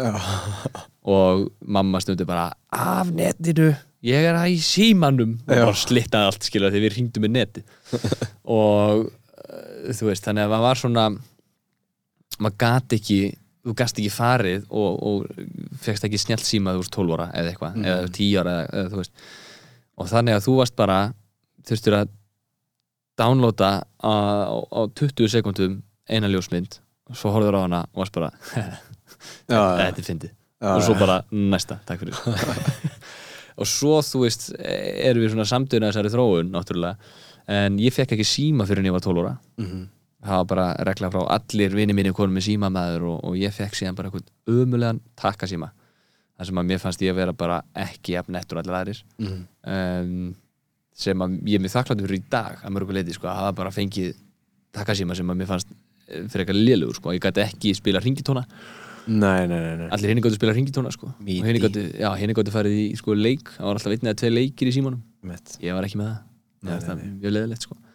en síðan er það það að, að hérna, e, bæði hjá mömmu og hjá pappa hefur farið mikið út í sveit og farið á staði þar sem að er ekki símsamband Mhm. þannig að þetta hérna verður þú, e, þetta hérna, þetta er sími Já, hann verður uh, myndavel og úr á sama tíma einmitt ef þú hugsa hérna, fram í tíman þá getur hann líka verið tónlistabankiðin, iPodiðin það er eina sem hann er notaður í Mhm. og ég finna ef ég er búin að vera tvær vikur út í, í, í sveit þar sem það er veginn, það er svona bara, mér finnst það geðvegt sko. Mhm. og svo kemur raunveruleikin mjög fast ámann þegar maður fer aftur yfir heiði og það kemur símsamband þá titrar hann í korter það bara það er mann er bara að láta hann að vita að það voru búin að missa af öllu sko. Já, það er hérna líka annað sko. Um, þetta er einhvern veginn tæki sem er svo bara nöðsynlegt þú veist. Það er rosalega erfitt að komast hjá því að nota síma, snjallsíma, tölvu þú veist.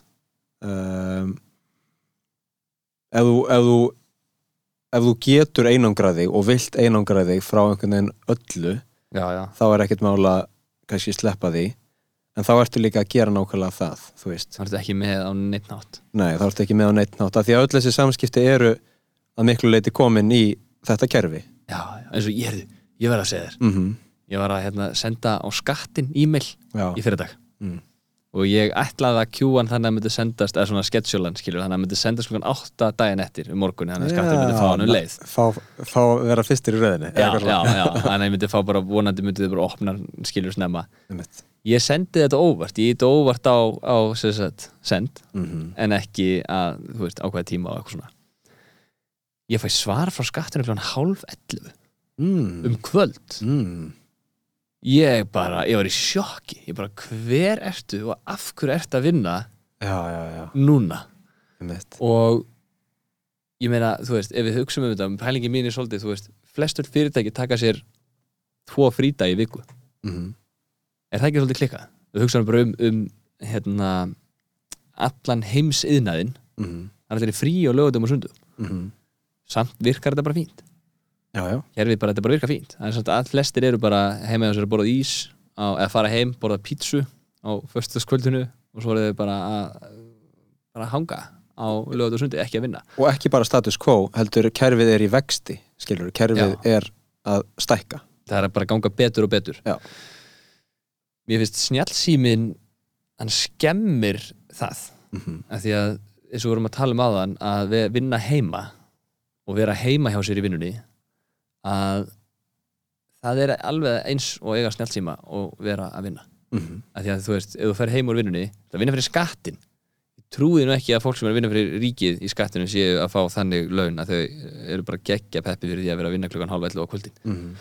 en hún hefur þessi hérna, þjónustufildur og hefur fengið þetta í síman ég trúi ekki öru og að ég sem einhver gaur utan á bæ geti sendt þér vinnuskilabóð og við höfum aldrei hist, ég veit ekkert hvað þú ert klukkan halv 11 á kvöldin. Mhm.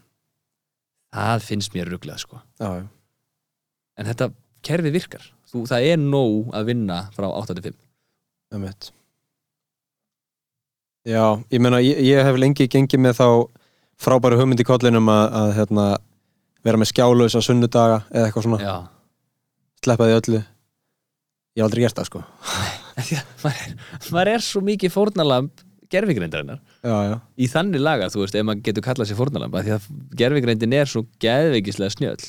Já ég meina hvað er Instagram með margar notendur á heimsvísu hundruð miljóna Já, meira ég, Facebook er í einhverjum þremur þetta, sko. Þetta er bara eitthvað raug gagnagrunnurinn er bara orðin hokkalegur Já, já, þau vita allt um alla og, og ég, ég reyni ofta að líta á sko jákvæðar hliðarnar og, og hérna uh, jákvæðar hliðar þess að svona kerfi, að svona reikniritt geti greint mjög mikið upplýsingum um þig. Já, já, samanber, þú veist, í læknisfræði um, þú ert með greiningalækna annars vegar sem þurfa að vera með mjög mikla reynslu og mjög mikinn námsferil að baki til að geta gefið þér rétta greiningu. Stundum klikkar það oftast vantarlega ekki. Og svo hins vegar ertu með sko gerfugreind sem getur bara lesið alla þína sjúkrasögu uh, allar mögulegar upplýsingar um þína hegðun og þína lífshætti og allt það sem gæti haft áhrif á þína heilsu á einu andartæki og gefið þið fullkomna greiningu út frá því. Já, já.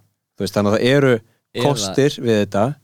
Já, gjörðu svo eða verið eins og við vorum að tala með mentakerfið sko. mm tekur alla þínu sjúkrasögu alla sjúkrasögu fjölskylduðunar að því að sem svo bara segjum sem svo að þegar að, að hérna, mín batna batnaböld segjum það. -hmm. þá er mín sjúkrasaga til. Sjúkrasaga uh, bara pappa mín og aða míns. Ef við tökum bara föðurættina og ömmu minnar þar. Þetta er allt til á heilsuveru. Einmitt. þannig að barna barnabændin mitt er að fara þú veist, í greiningu og einhverju þá getur gerfugrindi tekið sjúkrasögur allra á bara brotu sekundu og gefið læknunum uh, pakka. Bara þetta gæti verið eitt af þessum fjórum hlutum. Mhm. það er briljant Það er endur áhugavert og þú segir sko geði lækninum. Já, sérstaklega ef þetta er sko uh, badna badna badn já, já, uh, sko af því ég var, að- ég var að fremja hérna svo við notum það orða aftur. Smá Glæp. rannsók rannsók Læp. Hérna uh, ég var að framkvæma rannsókn uh, á þessu uh, þessu efni sko gerfugreind og framtíð vinnunar og sko hinn björt, bjart sínu þau sögðu öll við erum ekki að taka vinnu af fólki. Við erum að búa til kerfi þar sem gerfugreind og vinnandi fólk vinnur saman mm uh, gerfugreindin greinir sjúkdóminn og gefur læknunum fjórar uh, fjögur meðferðarúrræði eða fjórar mismunandi greiningar eða já. og læknirinn tekur svo ákvörðun og mögulega framkvæmir einhvern hluta meðferðarinnar. Um, þú veist, lögfræðingar fara í gegnum rosalega mikið af upplýsingum af einhverju svona laga lögfræði jargoni skiluru uh, 100 blaðsíður, 200 blaðsíður 2000 blaðsíður. Gerfigreindin er að fara að greina allt þetta draga það saman í eitthvað svona memo. Kjarnir það þetta? Kjarnirða þetta. Afhendir lögfræðingrum það og viðkomandi eh, tekur við því og, og þú veist, gerir eitthvað við það. Eh, s- þú veist, flugvélar. Það er ennþá flugmenn í flugvélum það er fljúar sem þú mest sjálfar bara. Nákvæmlega, en það er samt ennþá skiluru mennsk vera í sætinu fremst. Situr í iPadunum og horf á bíó. Sem gerir eitthvað. Og, og það sem ég á við sko er að hérna, uh, fólk sem er að tala fyrir gerfugreind og þessari þróun segir svona nei nei, störfin eru bara breytast. Já, já, já, já, en svo eru sko, svo er annar póll og það er það eru hinn svart sínu og það er oftar en ekki fólk sem er aðeins sko neðar í, í virðiskeðjunni uh, lægra sett þú veist, fólk sem er að vinna kannski innan gæðsalapa einfaldari störf uh, það er fólk sem er virkilega að tapa vinnunni já. til gerfugrindarinnar eins og bara þetta sem ég var að nefna aða með vörubílstjóruna þú fær bara sjálfkerandi bíl mm og þarf bara að senda hann stað og svo bara mætir hann. Emmitt og hann þarf heldur ekki að keira bara í 8 tíma hvíla sig og bara með e, hvað, hvað er að tveit dagar í viku sem hann má keira 12 tíma eða eitthvað. Út á kvíldareglum og öðru. Hann getur bara keirt frá, að frá sittit í pörð í einni bunu. Mm og ef þetta er Ramax, ef þetta er hugsað þannig það var alltaf, ég sá hérna hugmyndum sem sagt agreinar sem virkar svona eins og svona hérna, fjarhleðslustöð sem þú setur símaðin bara á. Já, og getur þú keirt Ramaxbíl og skiptir bara yfir á já, og hliður hann bíliðin á meðan þú kera emmitt ef að það verður veruleika um, þá þarf bílinn ekki að stoppa Nei. til þess að hlaða sig. En það mun koma mæntilega svo tækni fyrst þar sem þú keirir bara á eitthvað stað og þar er bara bílinn hlaðin í fjár mm þú veist. Þannig að það þarf ekki einu sinni neitt til þess að fylla ólíu á bílinn sko, eða stingur hann í samband. Og þá alltaf allar þessar bensinstöðar uh, bara f- verða dagar, dagar þeirra taldir sko Já, en það er samt sko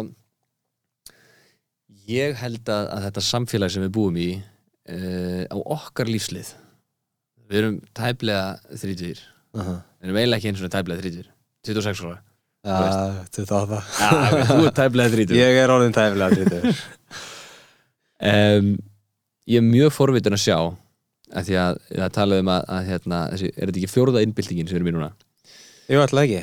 Uh, ef við skoðum hérna innbyltingarnar þá vorum við í, í veldisvexti. Mm -hmm. ef það heldur áfram ef veldisvöxtur heldur áfram þá erum við að tala um það að, við munum upplifa algjört rugl á næstu 50 árum. Mm þar sem að það mun bara þetta samfélagsmyndin okkar mun gjörbreytast. Eins og ég, ef ég tala við ömmu mín og afa fyrir vestan. Uh, rafmagnið kom minnum mig út í sveit uh, hvað var það 57 mm -hmm. held ég að það verið. Uh, stærsta breytingin sem að amma, ég spurði hana, hvað var það hérna, hvað var mesta byltingin út í sveit? Og bara já, það var vélsliðin. Já, bara þegar að vélsliðin var kynntu til leiks á uh, vestfjörðum það var bara hvað meinar get ég bara farið yfir heiði að við, vetri til, ekkert mál. Bara já, bara keirir á snjónum bara getur farið í kaupstaði eða fund eða bara það sem þú vilt einmitt.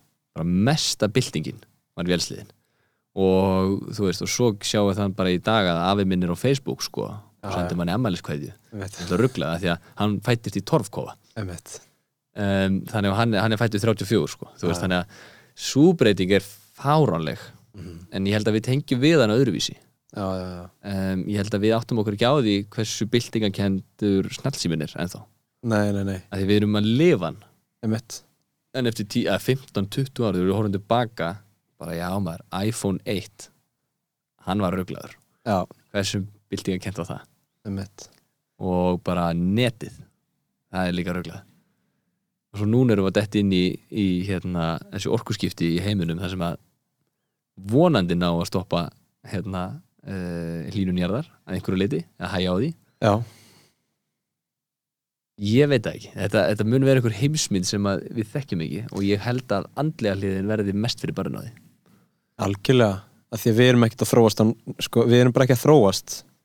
ekki á senustu 2000 árum Nei, þannig, nei. þú veist, við erum bara sama fólkið Ég meina, vissulega er maðurinn eða sko homo sapiens getur uh, mikill aðlöðunar hefni já, já, það er það sem gerur okkur kleift að búa í Íslandi skilur það er það sem gerur okkur kleift að gera ímislegt þú veist, keira bíla. Gera bíla, fljúa flugvelum og eitthvað svona.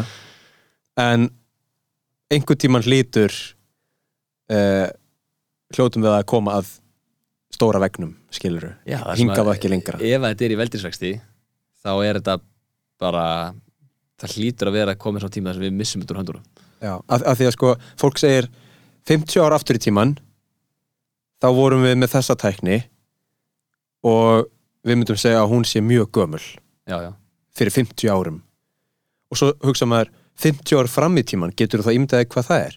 En það er ekki þannig sem veldisvöxtur virkar. Nei, það er bara fimm ár fram í tíman Já, nákvæmlega, skilur þannig að þú veist, 50 ár aftur í tíman og 50 ár fram í tíman eins og þú segir, þa það verður eitthvað svakalegt. Og, og ég, ég hef talað um það sko uh, þetta, þetta hérna, hugtak the great filter stóri filterinn stóra síjan stóra síjan sem hérna uh, sker úr um hvort þessi siðmenning eigi einhvern svona almáttugan rétt á því að lifa af eða ekki.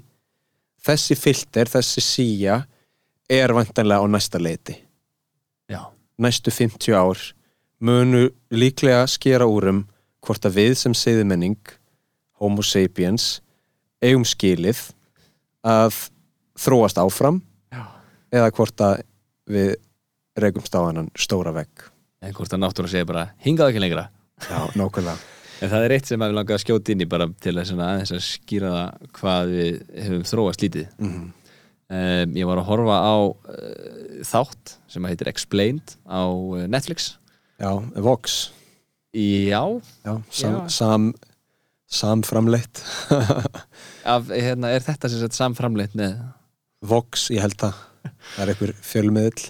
En, Já, en allt er, já, ok um, og þar var talað um hunda. Þetta er frábært, þetta er besti þátturum finnst mér í uh, öllum þessum þáttum er, er hérna, fjallar um hunda. Mhm. um, með elstu grísku rítum sem enn eru til Mhm. þar er bara heill kapli í bók sem að fjallar um hversu mikið gaurinn sem skrifa elskaði hundi sinn Mm. við erum bara að sjá það í margfald stærri mynd á Facebook sko eða Einmitt. Instagram, fólk er bara hundurinn minn er svo mikill stillingur. Ég meina, menn voru bara einhvers staðar í, í kubli í aðinu eitthvað ég ætla að rita hér ég verða að skrifa um þetta hundurinn er bara svo Já. mikill snillingur sko. Þú veist, og var bara að tala um bara hundurinn klálega bara algjör snillingur elskaði sig og hann elskaði hundinn og bara fór grísku sko já einmitt Nei, ég meina andlega og að mestu leiti líkanlega erum við ekki búin að þróast neitt sko. sem að er ákveðið áhugjefni finnst mér uh, fyrir okkur sko, af því að ef að við missum þetta úr höndunum Mhm. að það líka það sem er áhugavert við þess að tækni risa þeir vita ekki alveg hvað tölvunar er að gera Mhm. þeir geta ekki svaraði Nei, nei eins og réttaröldin yfir hérna Mark Zuckerberg þá komu krafsuna að þú veist tölvan ræður þessu dóldi bara. Hann er eiginlega dóldi að taka þessu ákvarðan sjálf. Það er ekki beint Mark Zuckerberg hann er kannski ákveður jújú við erum með hérna geðveikislega flottan banka Mhm. sem er flokkaður í alls konar greiningaflokka og eitthvað sem við getum selt. En hann veit ekkert hvernig þessi greiningaflokka verður til. Nei, nei, nei. Ég held að sko að þarna sé aðalmottoðið If it ain't growing, it's dying. Hver, hver sagði þetta? Xi Jinping. Xi Jinping? Nei, ég er að grínast. Hérna, allir þessir tæknir þessar Já, Þú veist, ég veit það ekki en, en það, það er svona Við getum ekki stoppað og verið í null vexti í tíu ár bara svona aðeins til að skoða þetta áður en við höldum áfram. Það er ekki hægt. Þá myndi allt kerfið hrinja já, já, þú veist, það verður að vera þessi stöðugi vöxtur já, vel, veldis vöxtur annars hrinur allt kerfið. Þess vegna geta gæjar eins og Sökkerbergin ekki ítt á bremsurnar og hérna, hörru við erum við veitum ekki alveg hvað er í gangi hérna með gerfugrindina við ætlum aðeins að skoða það. Sjáumst þetta í tíu ár, það er bara ekki hægt. Það er ekki hægt. Þannig að hann það bara hérna, fari í eitthvað svona hérna, eitthvað svona leik, leiklistar þjálfun til að koma svona nokkuð eðlilega fyrir. Hann er náttúrulega holdgerfingur eðlufólks það er ótrúlegt að sjá mynda þessu manni já, já, það sem að hann var í þessu réttaröldum af því að þú veist, fyrsta lagi hann á nóg peningum hann getur fengið sér nýjan klippara. Þú veist sá sem að klifta hann og sagði bara veistu það Mark, þetta var frábær hugmynd að fá þessa klippingu. Ég kottingað aftur eftir mánuð. Við hendum í nákvæmlega sömu klippingu. Þú veist. Hvað, í hvaða heimi býr þessi maður?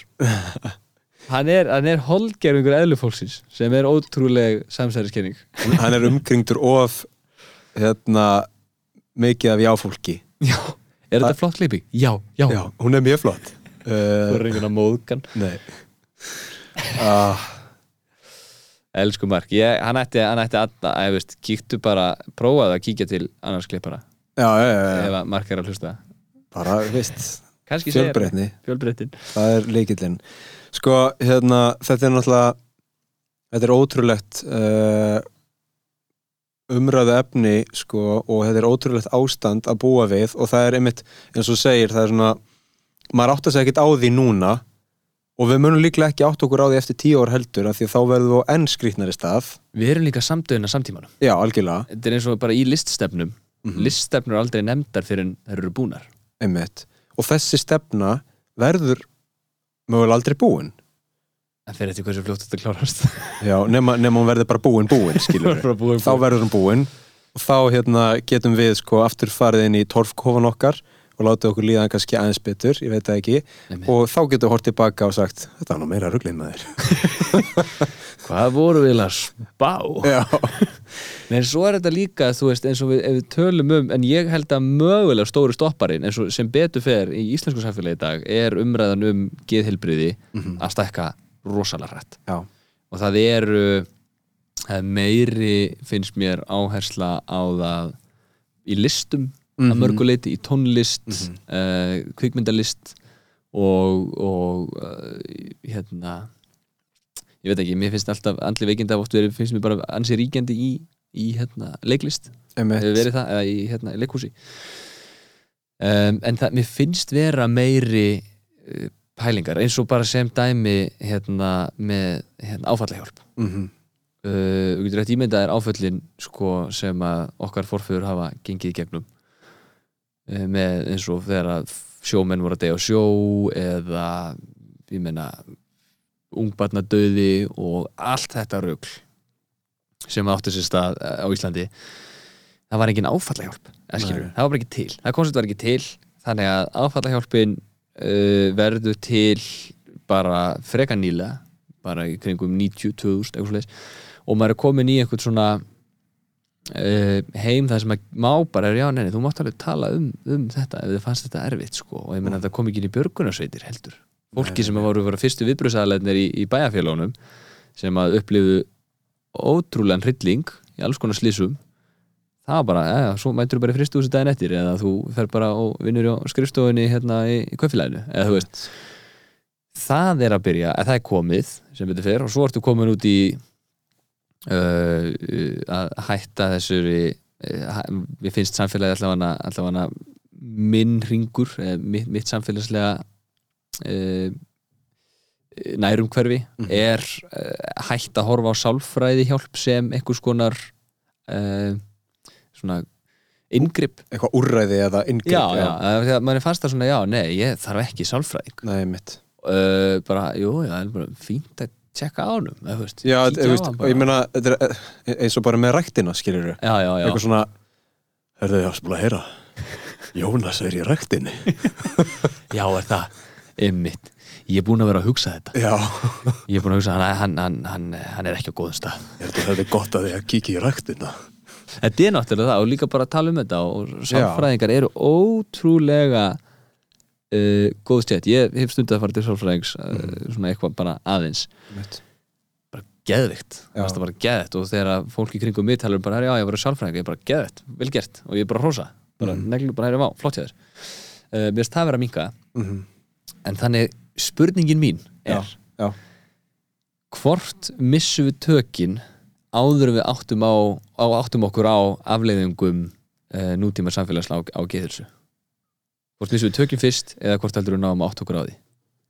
Byrðu, byrðu, byrðu það var mjög illa orðið spurning. Nei, nei, tökum maður einu sinni hvort heldur að gerist fyrst? Já, hvort heldur að við missum tökin á nútíma samfélagi eins og við erum búin að vera að byggja upp hérna núna þú veist, meiri einangrun minni samskipti meiri gerfi Mhm.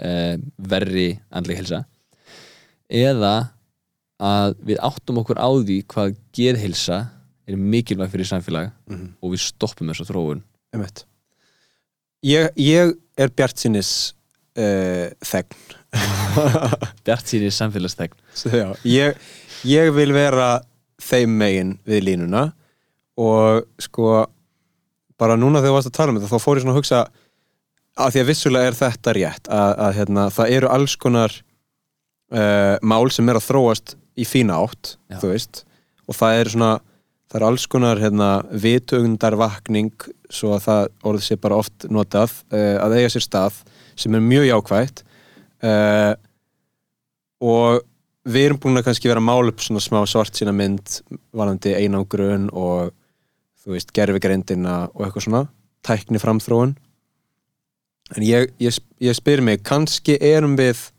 kannski er myndin að verða svart sítni af því að við erum að verða meðvitaðari Já, skilur við, þannig að þú veist kannski er þessi fortíðar þrá eh, röng mynd kannski er lífið virs, virkilega mun betra í dag en það hefur nokkuð tíman áður verið. Við erum bara miklu meðvitaðari um öll vandamálin sem er til staðar. Ég hérna heyrði uh, hvað kallaði þetta? Ég heyrði frábæra myndlíkingu mm. Jú, The Broken Tile Syndrome. Mm sem er að þú horfir inn í baðherbyggi baðherbyggi er sjúklega flott. Já, en það er ein flís sem er í spað. Þú er bara brotin hálfdóttin út og er bara eitthvað svona hálfógisleg Mhm. þú tekur ekki eftir hvað allar hinna flísarnir eru flottar. Þú horfir bara bara á að þessi flís er handónýttinu sem baðherbyggi Einmitt. og þú getur ekki hægt að hugsa um mm. veist. Um, það er náttúrulega mjög ríkt í okkur. Það, þú veist, við sjáum aldrei góðlutina, ég er handviss um það. Lífið er þúsund sinnum betra. Mhm. Heldur en það var fyrir hundra árum. Uh, upp á bæði uh, segjum bara þessa veraldlega þörf þú veist uh, dót, húsnæði, bílar eignir og, og þú veist föt, allt þetta. Mhm. þúsund sinni betri. Sama satt með andlega helsu ef, þú- talar við fólk sem að hérna, er af kynnslóðinu sem að fættist í kringum kannski milli 30 og 40 Mhm. eða 50, 30 og 50 sögurnar þar eru ótrúlegar eins og ég get sagt þér sögu af Ava sem að hérna ólst upp bara við mikla fátækt og hann e, pissaði ekki á mótana hann fættist, eða ekki fættist, þegar hann vaknaði á mótana Mm. hann fættist í torfkóa eins og sagði það, hann bjó- bjó í torfkóa hann pissaði ekki á mótana Mm. að því hann fekk ekki fyrstu máltíðina sína fyrir í hátteginu þannig að það var betri tilfinning að þurfa að pissa að vera mál var notalegri tilfinning en að geslafa heldur en að finna fyrir hungri. Einmitt. Þannig hann tók það ákvörun, ok ef ég held í mér þangað til ég borða þá er það minna já. að deyfa, hungurtilfinningunum deyfa hungur tilfinninguna og þetta er bara íslenskur maður að þú veist, Já, já. að, og þetta er einhver, einhver heimsmynd sem að enginn sem er fættur eftir 1970 held ég bara kannist mikið við. Að það fólk sem er fætt eftir 2000 sko? Já, já, þú veist, sem er bara eitthvað akkur ferði ekki bara í búð? Skilur, það er bara ekki bóðið Akkur kaupir það ekki bara? Ei, akkur kaupir ekki bara? Akkur kaupir ekki bara eina síma? Skil ekki þetta húsnæðarsvandamál, akkur kaupir fólk ekki sem bara í búð Já, þetta var eitthvað þeim Nei, hérna, algjörlega, ertu þá ert, myndu, ertu með mér samfélags bjart sínist þegn megin. Ég er það sko, Ok. ég er, er klálega þar. Um, að því að ég held að það, við séum að þróast í rétta átt Mhm, en ég held að þróun mannsinn sé að, að, að, miklu línulegri mhm. heldur en þróun umhverfis umhverfisins okkar. Já, já, já, að því það er við vitum að það er doldið veldisvexti sko. þannig að spurningin er bara munu við áður við förum við mörkin Mhm, uh, ná að átt okkur á alvarleika málsins. Einmitt. Og ég veit ekki eins og persónulega hver alvarleiki málsins er. Nei, þú nei, veist, nei. hvað er það? Og afleiðingar. Sko, vonandi uh, sko, vonandi mun svona samræður og svona samtöl og svona pælingar uh, ef við eigum nógu mörg slík samtöl hafa áhrif í rétta átt og, og þau áhrif að við náum þá fyrir hotnina á þessu á, fyrir hérna uh, endan á því áður en það verður of, of slemt sko. Uh, að því ég er sannfærun um það að það þarf að, að sko, þú veist, setja hömlur á forrit í veist, þannig að við séum ekki bara að steikja okkur hausinn sko. einmitt. Og einmitt þessi eh, bara út frá geðhilsu sko. þessi heimsmynd sem að er gerfi og allt sem er gerfi og maður er einhvern veginn allir gangi í einhvern lífið með kvíða. Já, já, já, já, algjörlega. Er þetta ekki bara sama hérna er, er þetta ekki sömu sko uh, viðtakar, receptorar móttakar í heilanum og þú veist uh, við, við einhvers konar eiturlifjum þar að segja uh, Jú, er þetta ekki dopamin? já, dopaminni skilur serotonin og dopamin og eitthvað svona eitt er bannað, hitt ekki. Einmitt. Ég, ég, ég væri alveg til í að hérna, fá, fá eitthvað viðkomandi góðan hérna, stjórnmálamann sem myndi bara koma með eitthvað hellaðar pælingar. Sér bara sko, ok, ímyndið ykkur að vera í símanum fjóra tíma á dag í heila viku er það sama eins og að taka ecstasy tvisvar í viku. Já. Ef við komum til að segja mér þetta ég væri ekki hissa. Nei og, og, og, og, og síðan myndi fylgja út af þessu af þessu leiðir að við ætlum að banna síma. Síma á milli fj- 16 og 18 og milli þú veist, 8 og 10 eða e, og eins og flesti vita er meðal skjátími Íslendinga 8,5 tími á dag. Já, skjáttími við þannig að við ætlum að banna síma en lögleiða ecstasy. Já,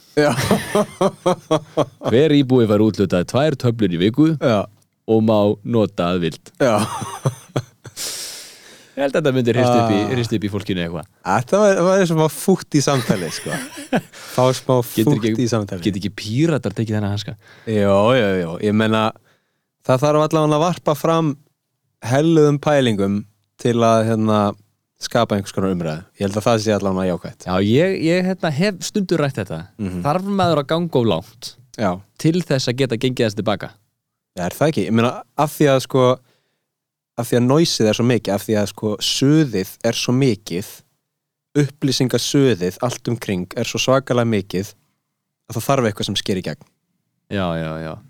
En erum við þá að gera jákvæðan hlut með því að ganga of langt í, í tekniframsóðan til þess að geta tekið sér tilbaka. Uh, sko sum skref eru óaftur kræf. Samanber uh, sko sterk, raunveruleg sterk gerfigreind í röngum höndum. Já. Getur gerfigreind, vil ég bara pæla. Já. getur gerfigreind uh, sem sagt upplóta sjálfri sér á internetið Mhm. og vista sig að eilífu? Ég meina ef, hún kemst að því, sem að gerðugrindin komast að því þetta er svona ex-makína pæling. Uh, ef hún kemst að því, herru, það er verið að fara að slökka á mér þetta Já, gæti hún bara sér, kilt sér upp í skíið og verið bara það er gaman að spyrja sko. Ég er nefnilega gerði sko, einstaklingsverkefni svo ég sjátt á þetta sjálf mig hérna um þetta á þriði ári hérna, listaháskal Íslands sem hétt einmitt fyrirlestur um gerfigrind en þar var pælingin sko uh, að, að einhverju leiti hvernig við búum til gerfigrindana þannig að hún taki ekki völdin og útskúfi okkur uh, frá sko valdaborðinu um leið. Hvernig búum við um hana þannig að við getum ennþá verið með on-off takkan í höndunum? Einmitt. Það er nefnilega trikki, það eru til kenningar um hvernig við getum gert það en gerfugreindin veit alveg um þessar kenningar þannig að hún veit líka um hvernig hún getur sko komist hjá eh, þeim komist hjá þeim. þannig að þegar við erum að forrita Mm. inn á hérna, samiðlega skíun okkar sem við erum að forrita þetta forrit þá getur gerðugrindin alveg bara já, þá breyti ég bara aðeins einnig hjá mér Já. Já, hún getur bara hérna platað okkur uh, láta okkur halda að við séum að búa til mjög snjalla lausn og hún er meðutuð um allt og fyrir hún hlæjandi í bankan þegar þetta Já, mistekst hjá okkur herri, hérna loka spurning uh, Hvernig væri fullkomið 2022? fullkomið 2022 fyrir bara mig persónulega Fyrir því persónulega, fyrir heiminn fyrir hvað sem er fyrir hvað sem er um, það er mjög auðvelt að, að uh, svara fyrsta liðnum Mhm. eða þessu svari það er að við erum komin í nokkuð skonar eðlilegt samfélags uh, sko, kerfi aftur, ekki mm samkomin takmarkanir eða þess að þar um, fyrir eh, sko heiminn ég ætla bara ég ætla bara að koma með skýrt svar. Mhm. fyrir heiminn væri það að uh, tækni fyrirtæki sem að hanna forrið sem að þú notar daglega í daglegur notkun uh, takmarki sér sjálf.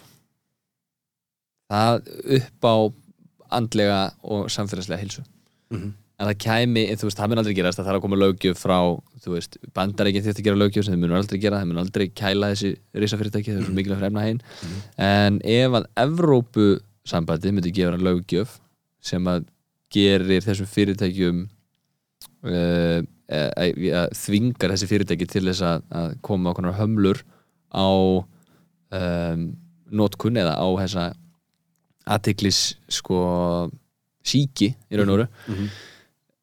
að það væri held ég skref í frábæra átt fyrir alla. 2022 þar því þá erum við bæði meðum koma saman minn í símanum hvað sem mikið snilt þá erum við bara spjalla. Meiri nánd, meira partí yeah. en sko ég líka rétt í lokina því að Já. ég fekk eina spurningu uh, uh, upp í hausinu um daginn Mhm. sem að er hvað er samfélagsumræða hvernig mælum við samfélagsumræða Mhm. er samfélagsumræða, er það í dag Twitter er, er, er samfélagið að eiga í samtali á Twitter um, eða getum við haldið uh, sem sagt samfélagsumræðu þing Já, þar já, sem að það er bara eigilsöllin, pallborð það er ok, notum bara löðsöllina eigilsöllina, allt saman fólk bara dritar inn uh, pælingum, Mhm. svo bara sest niður og bara spjalla og hvert borð kemur á niðurstöðu sem er síðan hendi í einhverja góða gerfigreind sem að tekur þetta saman Mhm. Þú veist, hvað er samfélagsumræði í dag?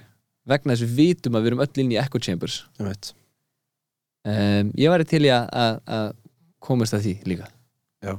Hvernig við getum uh, stunda sko e óeinangrandi samfélagsumræði Ég skal mæta. Við erum tveir.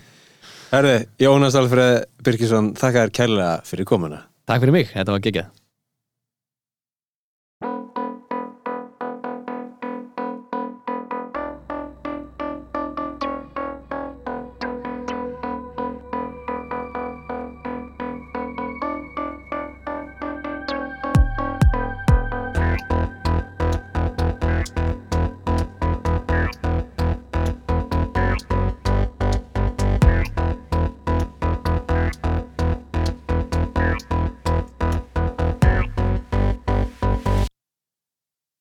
Kæri hlustandi, takk fyrir að hlusta. Mér langar að byggja þig um að fara inn á Spotify, ef þú ert að hlusta þar, og íta á follow takkan. Ef þú ert að hlusta á Apple Podcast síns vegar, þá langar mig að byggja þig um að skilja eftir umsögn eða gefa engun eða gera bæði. Það væri mikil hjálp út af öllum eh, þessum algoritmum og gerfugreindinni og öllu því. Síðan vil ég bara minna á Facebook-hópin Heimsendir á Facebook, vissulega á Facebook, mögulega að koma á Instagram fljótlega að því við elskum öll samfélagsmiðla en allavega á Facebook. Facebook-hópurinn Heimsendir. Takk fyrir að hlusta og við heyrumst í næsta þætti.